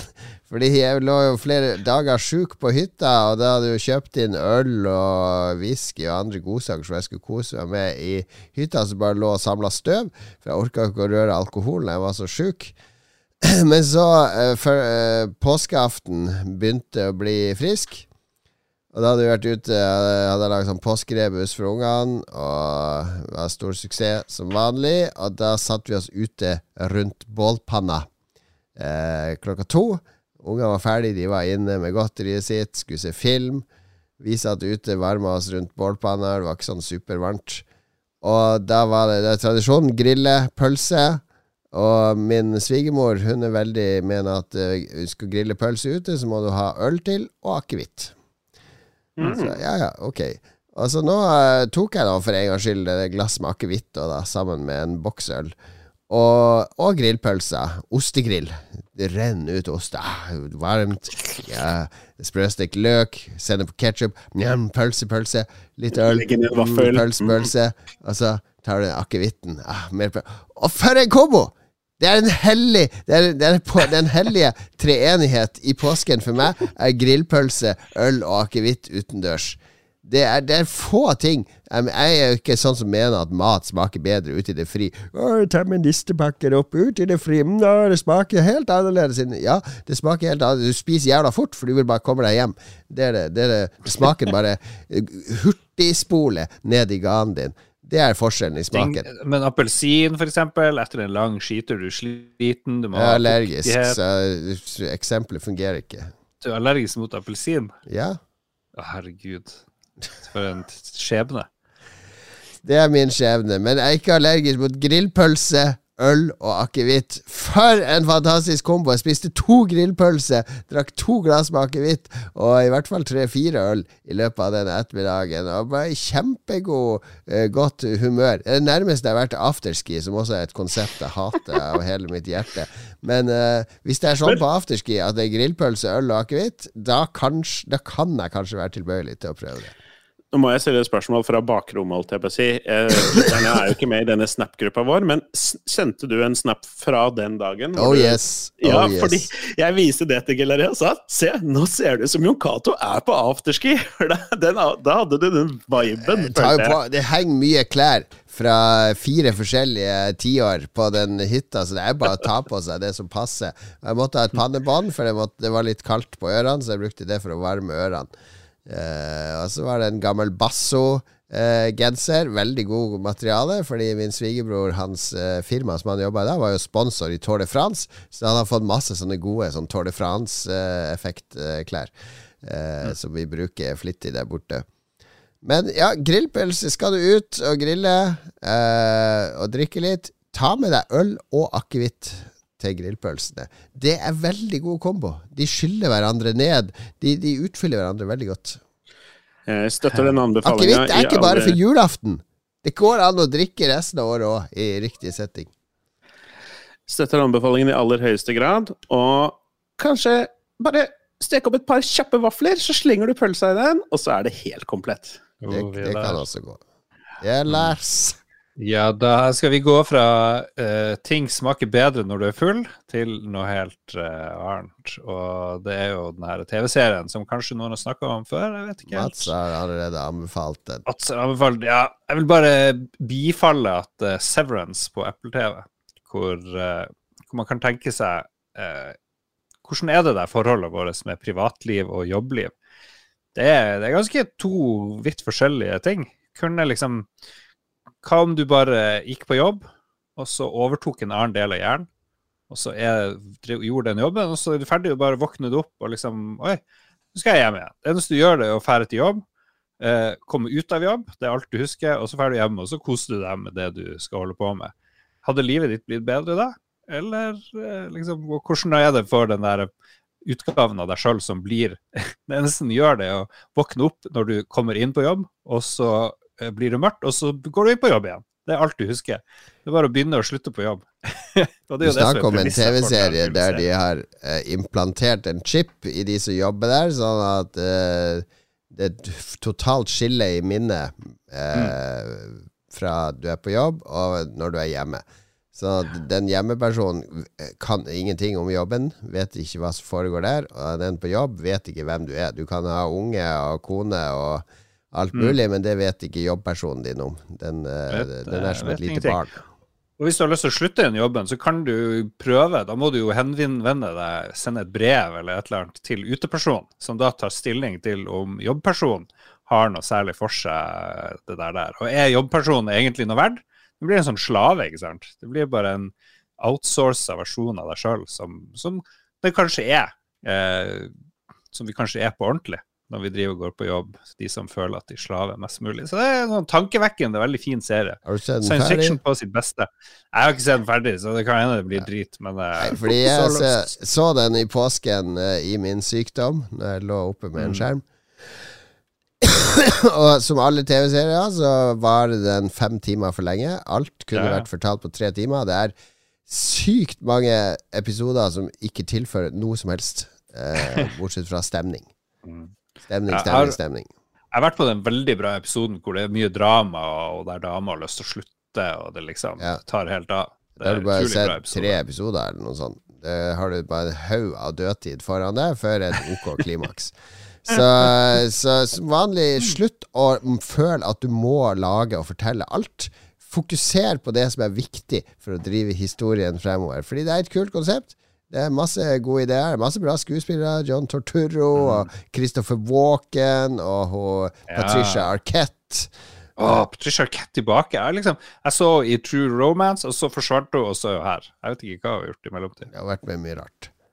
Men ja, den, Den, Scott. Den, den er eh, den, den er artig konsept, da, men den er for langdryg, rett og slett. Jeg hadde aldri gidda å se den ferdig hvis jeg ikke var sjuk.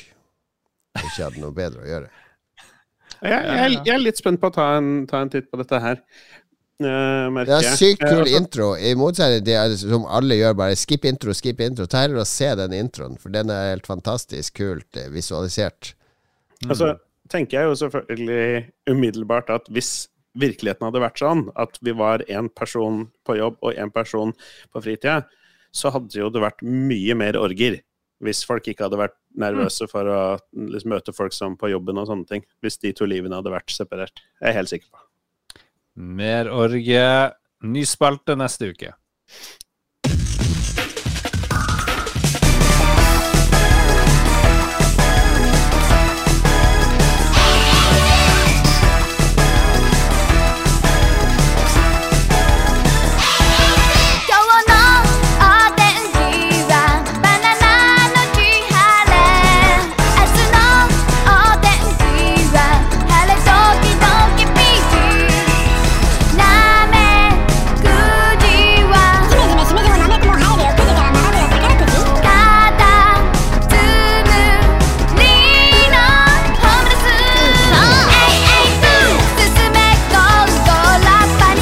Du som har studert det språket, eller hva er det du synger om?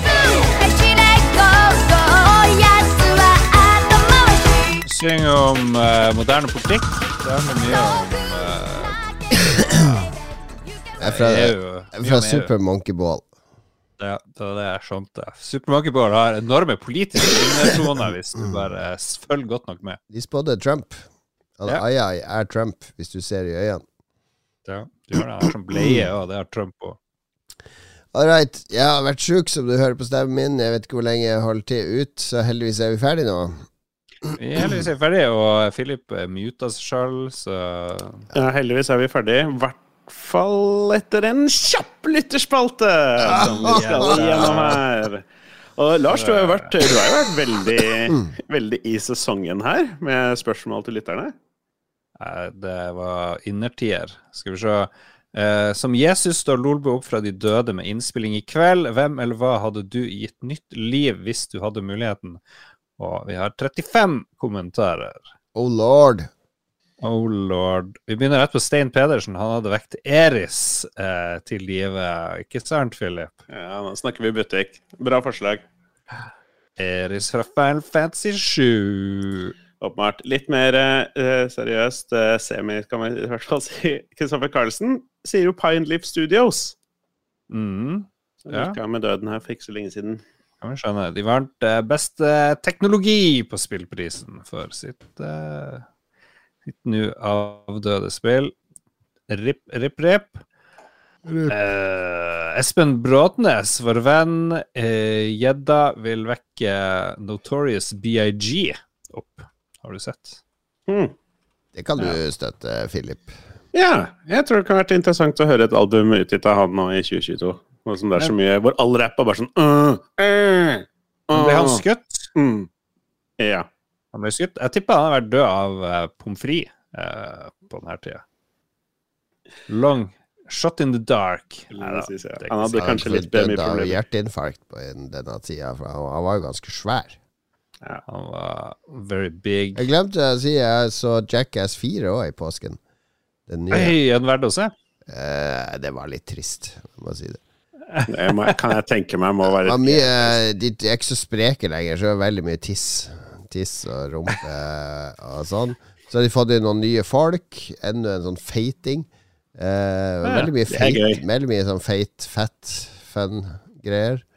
Tjukke folk som gjør ting, det er morsomt. Så, og det var jeg må, Altså, det er jo sånn der eh, Når snubler vi han?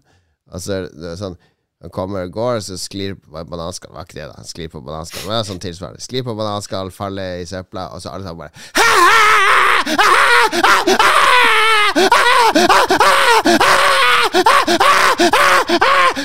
det, du, du skjønner, det er ikke ekte latter lenger. Det, var, det er liksom mer og mer påtatt gjennom filmen. Det er ikke så morsomt. Det er ikke så morsomt at du må ligge og vri deg på gulvet fordi Steve-O for hundrede gang eh, fikk et blåmerke på pungen. Altså, det er ikke så morsomt. Det er, det et par artige ting. Det er altfor mye dyr òg. Det er veldig mye sånn dyregreier. Um, så jeg ble skuffet. De er for gamle til å gjøre stunt. De tør ikke lenger. Så det har bare blitt litt sånn tiss og bæsj og dyr. Jeg elsker jo Jackass, så jeg blir jo å se det her uansett. Jeg syns jo hele Jackass-greia er litt trist, men en Jeg nærmere syns vi må diskusjon gjøre om hele stack-ranken med Ja, fireren det inne, Fordi den fortjener ikke å ligge så høyt lenger. Ja. Jeg må vel si live utfor vinduet. Det var søstera til kjæresten var her, og det har blitt så varmt. Det var sånn 13 grader i dag, så den oppkjørselen er bare sånn fos av sørpe. Så det er helt helvete å kjøre rundt her. Så, men hun tok en sånn der film. Du rygger fort og vrir om rattet, så du får sånn 180 grader. For hun måtte liksom gjøre noe triks for å komme seg ut av oppkjørselen. Så hun tok en sånn der rygge og slå inn brekket nesten og alt mulig rart. Det funka som faen. Det var Alt jeg lært. lærte. Alt jeg lærte av det der, var at uh, kjæresten din har en søster. Ja, Ja. stemmer det. Okay. Ja. Mm. Er du uh, interessert? Anywho Hvilken samekofte kan Philip få? Åh, jeg hadde sett så sjukt bra ut i samekofte. Åh, damn. Ja, det fins mange bra. Joakim Strandberg lurer på er det Hans samboer Annebeth lurer på hva vi syns om den siste patchen på Destiny. Har vi ikke snakka om det? Snakka om at som- det skulle komme, i hvert fall. Har du, du er Jeg trodde Mats og Jon Cato spilte masse. Ja, vi har spilt Jeg har ikke fulgt med i det siste, så jeg har ingen kommentar, Joakim. det kom, det kom en svær ny patch nå samtidig som Elden Ring kom, og masse andre greier, så ingen hadde Ja, okay. tid til å spille det. Ja, jeg, har ikke, jeg har ikke fått tid å sette meg inn i det. Den er sikkert bra. Jeg tenkte på DLC. Jeg bare Ja, ja, glem Den er bra, men det er ikke den Ja. nye patchen. Jesus Ja. lord, get with the program. Bare fortsett å sende Eh. spørsmålet hver uke, og så kommer vi til det etter Ja. hvert. Andreas Min- Armando Bjerkeng har posta en diger gif av en veldig kjekk versjon. Det ser ut som Michael Jackson i Smooth Criminal. Smooth Criminal, ja. Mm. Ja, Så han vil altså vekke Michael Jackson til, til live. ja. Tenk at Michael Jackson bare ble hvit. At det var liksom en greie. Det er litt sykt. Han, han ble Han falma. Falma hen, rett og slett. Ja. Ja. Nye, Ja, men, ja. det blir en egen episode. Men hadde det vært mye mer bra musikk, da? Hvis Michael Jackson hadde fått leve ti år til? Ja, jeg tenker det, de, folk burde jo dø mye tidligere, tenker jeg. Og Michael Jackson døde på et sånt greit tidspunkt. Det er på tide at nå skal vi dø snart, vi som sitter her. Skal nye generasjoner komme til. Altså, verden trenger ikke mer av oss. Hadde det ikke vært ja, Hadde jo vært uh, gjennom, Det hadde blitt mye barnemolesting-greier hvis han hadde vært Ja. fortsatt i live òg, ikke sant. Ja, det, har- det har du rett. Jeg syns jo Michael Jackson lagde bangers helt til han døde. Ja, for det her, Det nå er vi litt i JK. Rowling-land. Er det lov å danse til Billie Jean fortsatt? Når den kommer på, eh, når du er full ute på diskoen, og du hører dunk, dunk, dunk, Det blir litt moonwalk da. Det er vanskelig å ikke kjenne at det rykker i dansefoten da, selv om eh, ryktene skal ha det til at han eh, ikke var At han gjorde noen stygge ting. Ja, og De ryktene er på en måte substandert nok til at man kan være liksom Vi kan plassere han litt i en kategori, på en måte, og da føler jeg man må være litt sånn tro mot, mot prinsippene sine. Enten så er alt greit, eller så er ingenting greit. Og hvis du syns Jackson er greit, så Men dere vet hvem som var best forberedt på pandemien? Det var jo dessverre Michael Jackson som aldri fikk oppleve det. Han hadde oksygentelt. Han gikk hele tida med munnbind. Og det er sikkert å sprite. Han gikk med hansker òg. Han trengte ikke sprite hendene for han gikk med handsker. Han var den perfekte mann til å klare pandemien. Takk for meg. Det var et utdrag fra min standup. Ja, jeg skulle gjerne hatt eh, Michael Jackson tilbake. Jeg er helt enig med deg, Andreas. Eh, om det er 1988 Michael Jackson, som vi ser giffa her, da hadde det bare vært enda bedre. Oh, yeah. Musikalsken også fra Martin Pettersen. Han sier Kurt Cobain. Spent på hva Mm. Nirvana hadde blitt videre inn i 2000-tallet. Ja, og Der er enda et eh, godt argument for hvorfor folk bør dø. Fordi Kurt Cobain har sikkert gjort det han skulle gjøre, var klar til å dø, og så ble Foo Fighters danna. Fikk masse folk eh, bra musikk, slapp å høre han der Kurt Cobain. Da ble det i stedet han der Hva skjedde med han bassisten i Arvane? Han spinkle der, ja. Ja, det høye mørkhåra. Mm. Krist Novoselic, som han heter.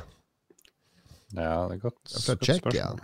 Men dere så hva som har skjedde med han eh, babyen på coveret til Nirvana-plata? Ja, ja. Han Han følte seg jo voldtatt og misbrukt. Han prøvde jo å saksøke fordi at de hadde brukt eh, naken babybilde av Herre han. Remi, må de slutte? Han tapte den. ja. Og de burde bare sendes i fengsel. Hvis du saksøker og taper, burde det være, være fengselsstraff. Fem år. Du må he- heve det, det lista litt for å saksøke. Øye for øye. Så har vi enda en sånn metoo-greie. Stephen Hawking uh, ville koste få opp igjen. Men? Er det metoo? han var jo helt vill. Han kasta seg over uh, damer i Show me your titties. Take off your clouds. Var det sånn han satt uh, sent på kveldstid, og assistenten kom? away. Take off my pants. Harder. Faster. Harder. Nå ble det plutselig en sånn der, eh, jeg vet ikke, musikk-lyrics fra Daft Punk. Hvor har du det fra at det var metoo? Work it. Hva er det Stephen Hawking har gjort som er metoo, Lars? Hvor kommer dette fra? Stronger. Er det Nei, det, det er bare tull. Det er bare tull, men det er, det er bare humor. okay. Dårlig humor. Det, uh, Kost, det var Kost Eriksen. Ja. Han hadde sikkert bidratt med masse smarte greier. Han var vel ikke? Jo. ja. Uh, Stakkars Kristoffer Gettoboys eh, Hansen han ville ha livsgnisten vekka til live. Men uh, han sier at han skriver det under et virksomhetsledermøte. Så vi tenker på det. Spillrelatert fra Tom Wilhelm Ødegaard, som sier Sega Dreamcast. Og den ga jeg et lite hjerte til, for det syns jeg var en veldig veldig fin konsoll forut for sin tid. Ja, uh, Ja. den Rip gjorde Sega. veldig mye riktig, og var en veldig sånn rein også spillkonsoll, selv om det var online på den. Men den hadde rene arkadespill og dypere spill. Fantastisk maskin. Rene arkadespill Det høres litt rasistisk ut, men OK. Simen Rudeløkken. Ja. Ja, han sier Guitar Hero og latteren til Vedum. Og Guitar Hero er jo litt sånn daud, men eh, og ler Vedum ikke så mye nå fortalt lenger. at jeg har jo kobla opp på Xbox uh, Series X-en min. Så jeg har jo lasta ned Rock Band 4 og all DLC-en og alt det, så jeg har jo 1000 låter der, og spilte gitar eh, et par måneder siden nå. Men det var gøy å gjenbesøke rockband. Det var det. Ja, Punti, hvis du hører på, eh, vi møtes i mai angående Guitar Hero. Da skal det overbringes noe hardware. Han savner tydeligvis latteren til Vedum, sier han. Er han slutta alene nå Ja, som han er i Jeg tror det. Ja, men han har ikke ledd mye etter han ble finansminister. Nå er det bare ja, Det er blitt vanskelig nå. Vanskelig å være politiker. Vedum han minner mer og mer om en sånn her eh, alt-right-fyr eller et eller annet. Er- Der han ender opp. Er du, skal vi se hva du klarer å imitere latteren hans best? Lars, nå skal jeg spørre deg. Nå skal du være Vedum. Skal jeg spørre hva, hva, Hvorfor går meningsmålingene ned? Hva skal du gjøre? Og så må du feie det bort med en vits og latter. Lars eh, Nei, Vedum. eh, Nå, nå er partiet snart ned på sperregrensen. Hva skal du gjøre for å redde partiet? Snulla! Vis meg puppene dine, da! Det var, jeg var litt, så, litt sånn Olsenbanden-farse. Ikke, ikke helt Vedum jeg hørte der. Philip, prøv du, da. Uh, Vedum. uh, Maurizio Fløgstad. hva, skal, eh, hva skal til for å få flere i byen til å stemme på Senterpartiet? Eh, uh, vi må ha uh, mer hest og kjerre, da! Ja, nå var vi mer, nå var jeg mer innom. Den, den trodde jeg litt mer på. Ja. Eh, du, eh, Vedum eh, Lorentzen. Eh, det er forferdelig eh, få som tar deg seriøst som eh, finansminister. Hva du tror det er bundet ut i? Nei, Det bunner ut i eh, Jeg handler ikke i euro!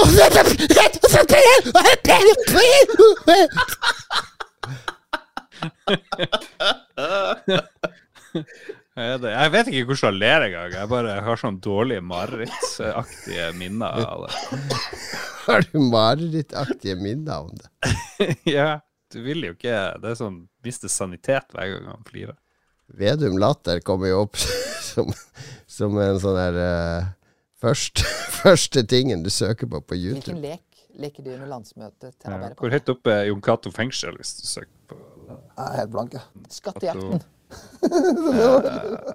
Han har, han har veldig sånn klukkende der, sånn Ok, vi må kanskje Så har jeg hele lytterspalten handler om Vedum nå. Det var ingen som ville vekke han til live heller, så jeg husker Jeg vet ikke helt hva som Bare havna i det latteren Vedum-hølet.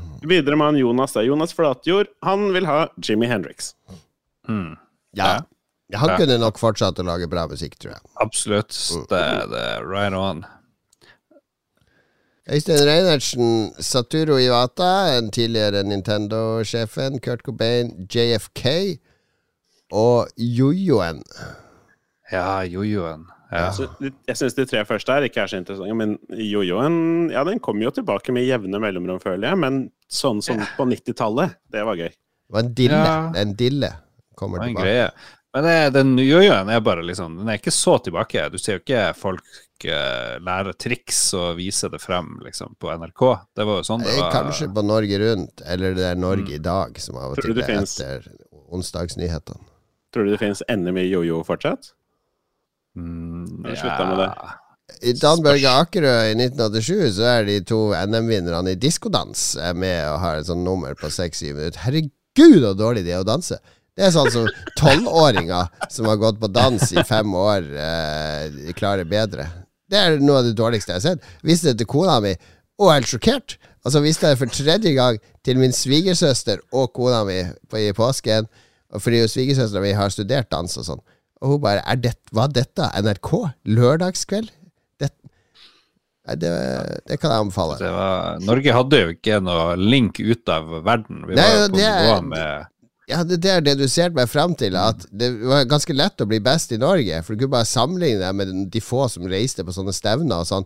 Du hadde ikke noe YouTube der du kunne se hvordan gjør de det i. USA, hvordan gjør de det i, i resten av verden. Nei, det er rart, det der. Skal vi se. Uh, Ragnar Veien Tundal hadde gitt nytt liv til Might and Magic eh, 6 i form av en remake. Det er mange som savner den serien. Ja. Eh, Stian Skjerven han vil ha bekymringsfrihet etter voksen alder. Oi, oi, oi. Ja, Ja, det som- kan du kjøpe. Vi som hadde generell angst som barn, eh, hadde, fikk aldri den tida. Man har glemt bekymringen man hadde som barn. Ja, Det, det. så du i bladene, så så du alle spillene du ikke hadde råd til å spille eller kunne få tak i eller visste om. Nå kan vi spille alt. Vi har egentlig råd til det meste. Altså det, det, en, det en, Hva er andre bekymringer, da? Ja, men de bekymringene var ganske var, Å nei, alle disse spillene jeg ikke får spilt. Ja, ja, og så går du og spiller det du har, og så er du happy med det fordi du er en dum kid. Og så er det liksom greit. Å nei, jeg er onanert. Håper jeg ikke er blind når jeg våkner i morgen tidlig. Ja, det var det verste. Vet du hva jeg ønsker ikke skulle eh, eksistert eh, på et vis, eh, og kun fordi filmer får dårligere handling pga. det, det er jo mobiltelefon. Nå kan du løse alle problemer i film ved å, som du før måtte liksom tenke eller jobbe deg ut av. Nå kan du ringe politiet uansett hvor du er, eller du kan slå opp alt på Google hvis du har en mobiltelefon. Mens før var det mer sånn her Åh, må komme meg til en fasttelefon, i hvert fall. Og så er det så ofte at de legger inn en en- Å, oi, det er ikke dekning her ute. Eller å, det er ikke dekning på hytta, forresten. Eller å, damn, my phone's out of battery. Fordi ja. Mm.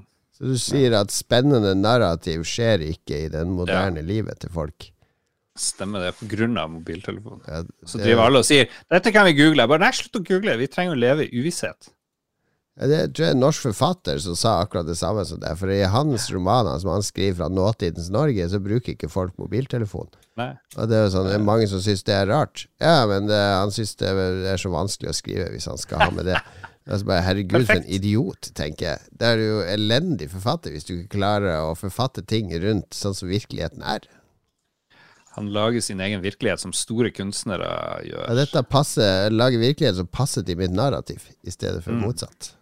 Eh, jeg hadde egentlig det på lista tidligere. Jeg har spilt noen spill som The Dark Pictures, som er et type sånn skrekkspill hvor man styrer en liten sånn gruppe med personer, og så blir de splitta opp, og så er det skummelt og sånne ting. Og ingen av de har mobiltelefoner, fordi det hadde ødelagt alt på en måte med en gang. Så hvor lenge man blir skilt fra hverandre, så er det jo kjempeskummelt. Men ja, IRL så hadde man bare ringt og sagt Hei, hvor er du? Jeg er her. Ok. Mm. Jeg tror det er derfor de i nye Uncharted er bare ferdig ute i sånn Karibien på sånne øde øyer. Det er sikkert fordi de ikke skal ha mobiltelefon og kan ringe hverandre. 'Hei, hvor du er?' 'Jeg er der.' 'Ja, OK, da møtes vi der.' Er End of story. Okay. Trond. Sindfor Borgersen, han etterspør fysisk bank, og da tror jeg det er den finansielle institusjonen det er snakk om. Mm. Ikke Det, juling. Det, det har òg ødelagt. Nettbank ødelegger bare for filmer. Ingen flere heist-greier. Hva de skal stjele nå? Blir sånn her, Alle skal stjele sånne atomvåpendeler. atomvåpendeler. så må de henge fra taket opp ned og sånn. Men det må jo være masse penger et eller annet sted de kan stjele? Okay. Ja, sånn kryptodrit. Du kan stjele herregud. NFT-er er liksom moderne rabbery. Ja, true.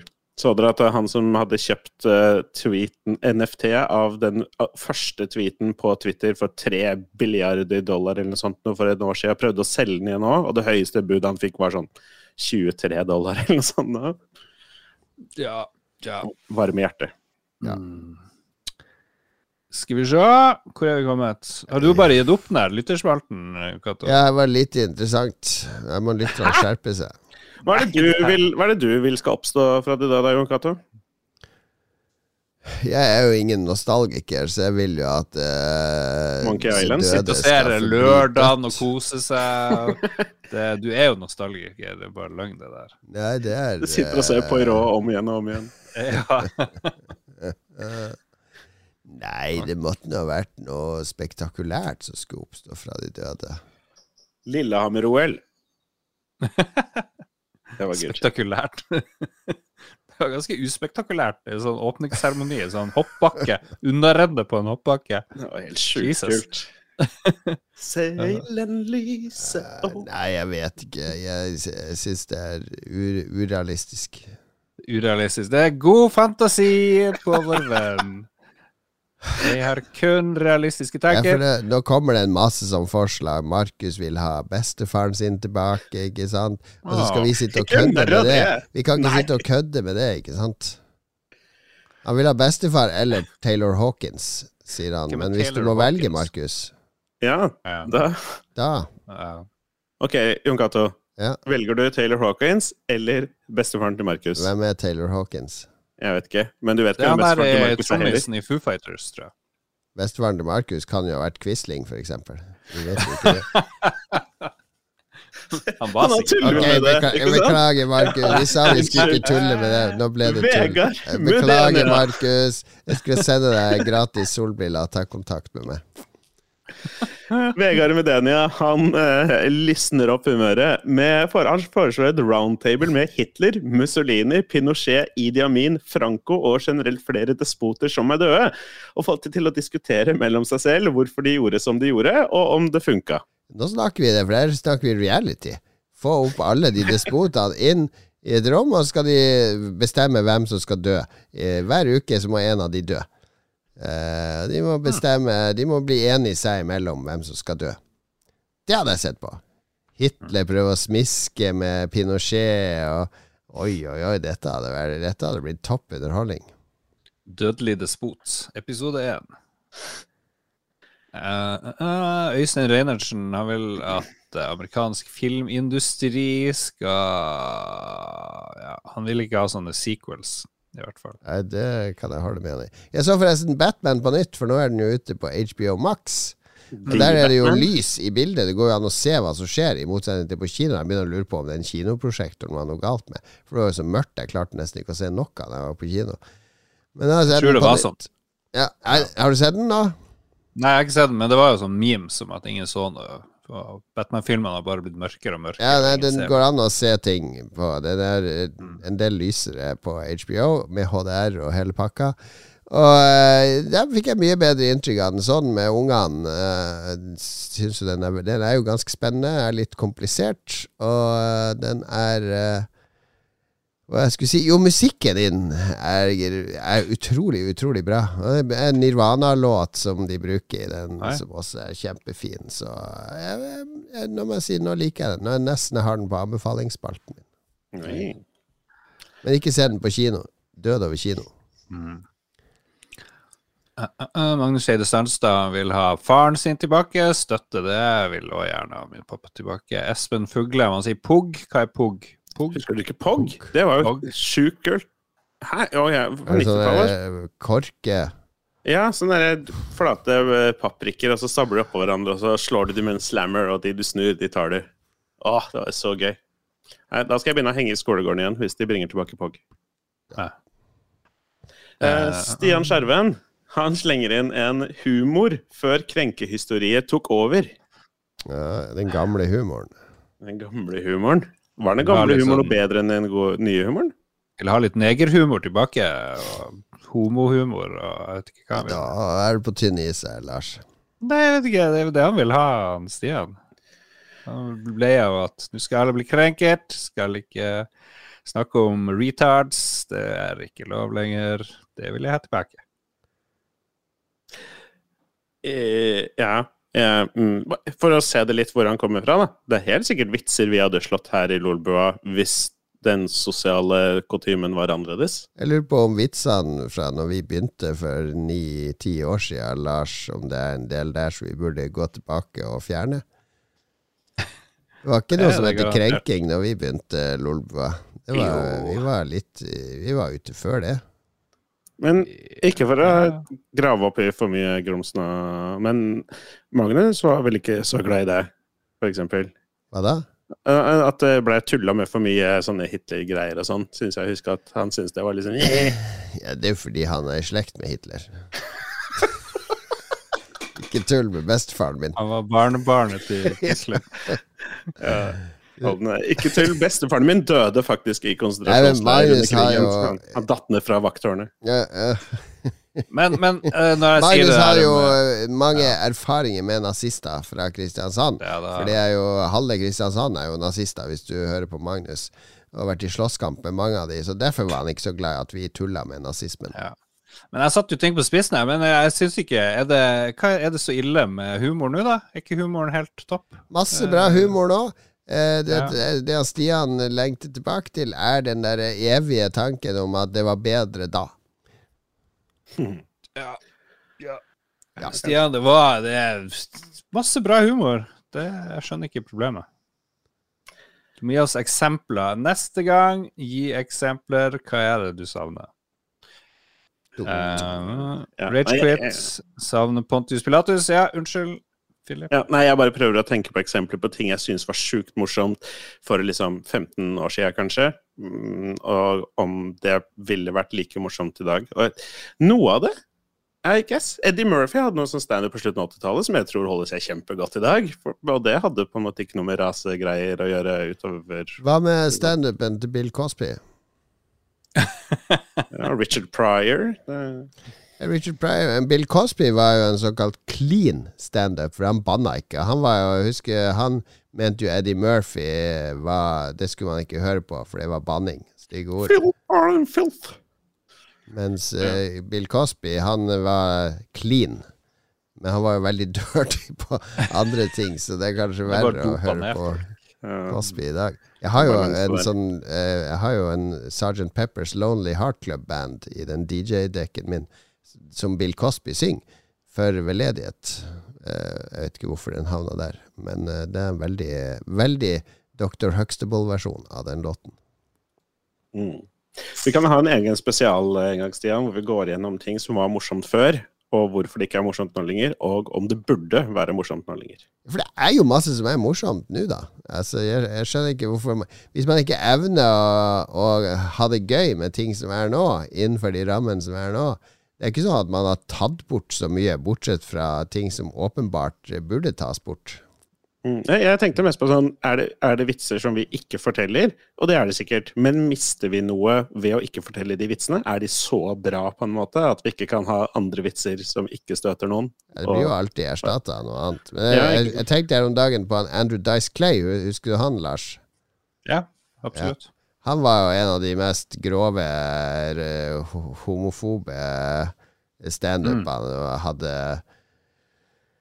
Ja, han sa mye stygt eh, som ikke har holdt seg bra i dag. Han fikk, han fikk vel også nervesammenbrudd fordi han, han var så stygg. Eh, innså det sjøl, at han prøvde å være så jævla kontroversiell hele tida. Han eh, spilte jo i Starsborn, som jeg så i overgård, eller noe sånt. Eh, ja, ja, ok, uansett. Men vet du ikke hvem som vant Grammy for beste comedy album eh, for ikke så mange dager siden? Det var Louis C.K. vant uh, Grammy. Han har gitt ut en veldig ganske rimelig kontroversiell. Det er mye som kan tolkes som uh, gjør narr av asiater og ditt og datt. Veldig mye om tilbakestående mennesker eller utviklingshemmede. Så det er bare Cancel culture har ikke klart å ta Louis C.K., altså. Det er kanskje det Stian henviser til, at han Mhm. Han, han syns kanskje det er mye av det som eh, Som eh, Louis C.K. sier på den standupen, er kjempemorsomt. Men han syns det er ubehagelig at folk eh, sier til han Vet du, det der er ikke helt greit å leve. Ja. Sier det til Stian eller til Louis Altså For 20, 10 år siden så kunne du le av 20 år siden så kunne du le av sånne vitser høyt, ikke sant? Uten å før Dette var ahaha, alle syntes dette var gøy, var ingen som sa ifra. Dette er ikke helt greit å si.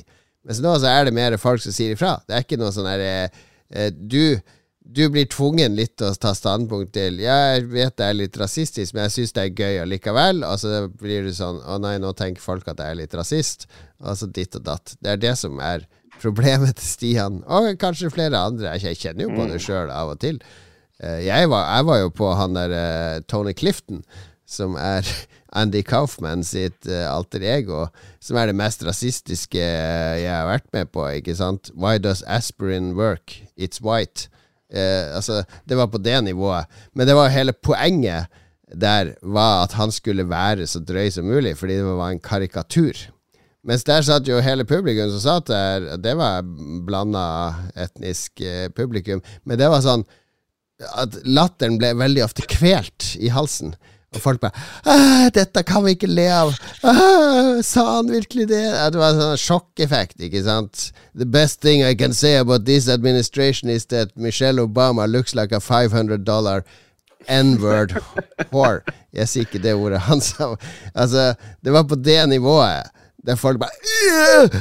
Og så var det litt deilig at noen faktisk at det ble sagt, men samtidig deilig at det er ikke lov å si. Altså, det var veldig sånn der uh, miks uh, uh, eh, Lapskaus av kompliserte følelser du satt med i publikum der. Med at dette hadde vært greit å le høyt av for 20 år siden, men det er ikke greit nå. Hvorfor? Altså, du ble konfrontert med veldig mye i deg sjøl. Jeg var helt sånn svett når jeg kom ut av det. Jo, men det er fint å bli konfrontert av uh, ting. Ja, ja. Jeg, jeg, kjenner meg, jeg kjenner meg litt igjen i den biten der. Den, for jeg, jeg syns det er farlig å si, men cancel culture har i gåseøyne gått for langt. Jeg veit det er teit å si det sånn, fordi Men ideen er at det er ikke vits å dra fram tweets fra når noen var 17 år, liksom, og så bare Å, se, de brukte n-ord i en vits en gang, og så nå er de liksom 28, og så mister de jobben pga. det. Sånne ting. Det er bare helt unødvendig. Det er er det er bedre kamper å kjempe enn det, på en måte. Eh, så akkurat den biten har gått litt langt. Og burde det også være fram i tid? Altså det du sier i tenårene, når du prøver å være edgy og finne deg sjøl. Da skal du få litt liv i. Men også det du sier når du er 60 pluss, gammel gubbe på internett og skriver hatmail mot LAN. Er samme, det er litt den samme mentale staten du havner i på slutten. Og Jeg, jeg, så en, jeg så en artikkel av faktisk i Aftenposten eller et eller annet sånt i dag som jeg syntes var skikkelig teit. Det var en sånn 22 år gammel fyr som heter Ole, som har lagd en sånn greie om at det er, de på 50 pluss, 60 pluss, de ødelegger samtalen på internett ved å være så ubrukelige i kommentarfeltene og sånn. Og greit, det er sikkert mange eldre folk som er skikkelig dumme og dårlige i kommentarfeltene og skriver skikkelig teite ting i sine dum og lukkede dårlig, Facebook-grupper. juba, juba. Men de skader jo ikke den platt, de plattformene som vi andre er på. De kan jo få lov til å holde på i kommentarfeltene og skrike til hverandre om sine gammeldagse rasistiske greier så mye de orker, og så kan vi som faktisk eh, har innflytelse på samfunnet og styrer kulturen videre, vi kan diskutere på andre plattformer Nå er vi altfor lang podkast, Philip. Vi må eh, lande Hver det gang det skjer. Hver gang. Sånn er det når du skal ha beklager. altfor lang lytterspalte. Mm. Heldigvis Men har vi takk bare Takk for uh, spørsmålet, Stian. Det ble jo en fin debatt. Veldig bra. Eh, vi hopper over Race Christian Pontus Pilates, og Morten Benkestad Olsen har dagens siste lytterspørsmål. Foreslå Hitler, bare for at verden skal få se at Putin er verre. Hitler is back. Det trenger vi jo akkurat nå. Få nynazistene og ytre høyre til å samle seg rundt en uh, ny despot. Det hadde gjort verden skikkelig bra, Morten. Du er et geni. La oss takke produsentene.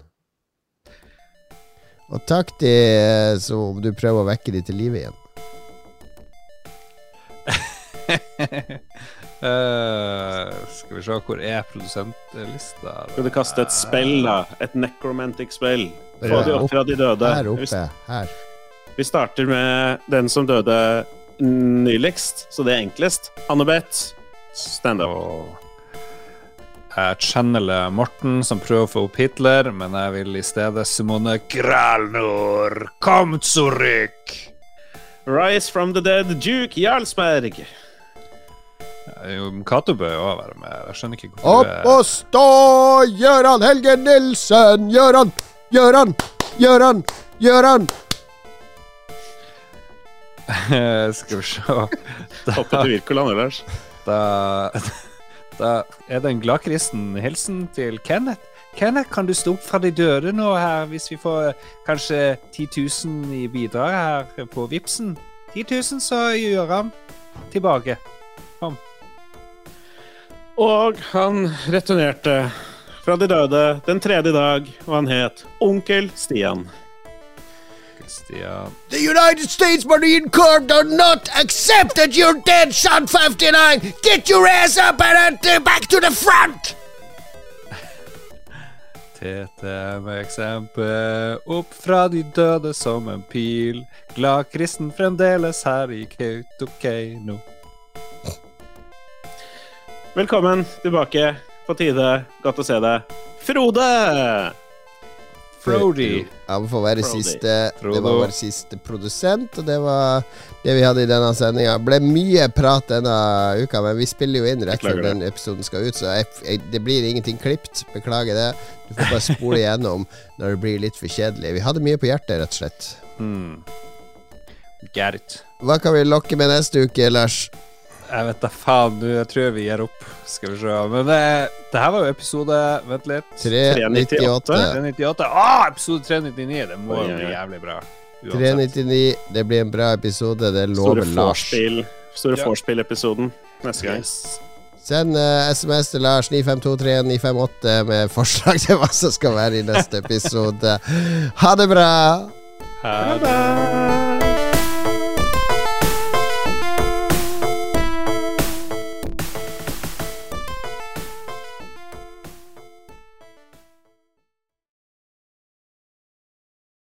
Har du et enkeltpersonforetak eller en liten bedrift? Da er du sikkert lei av å høre meg snakke om hvor enkelt det er med kvitteringer og bilag i fiken, så vi eh, gir oss her, vi. Fordi vi liker enkelt. Fiken superenkelt regnskap.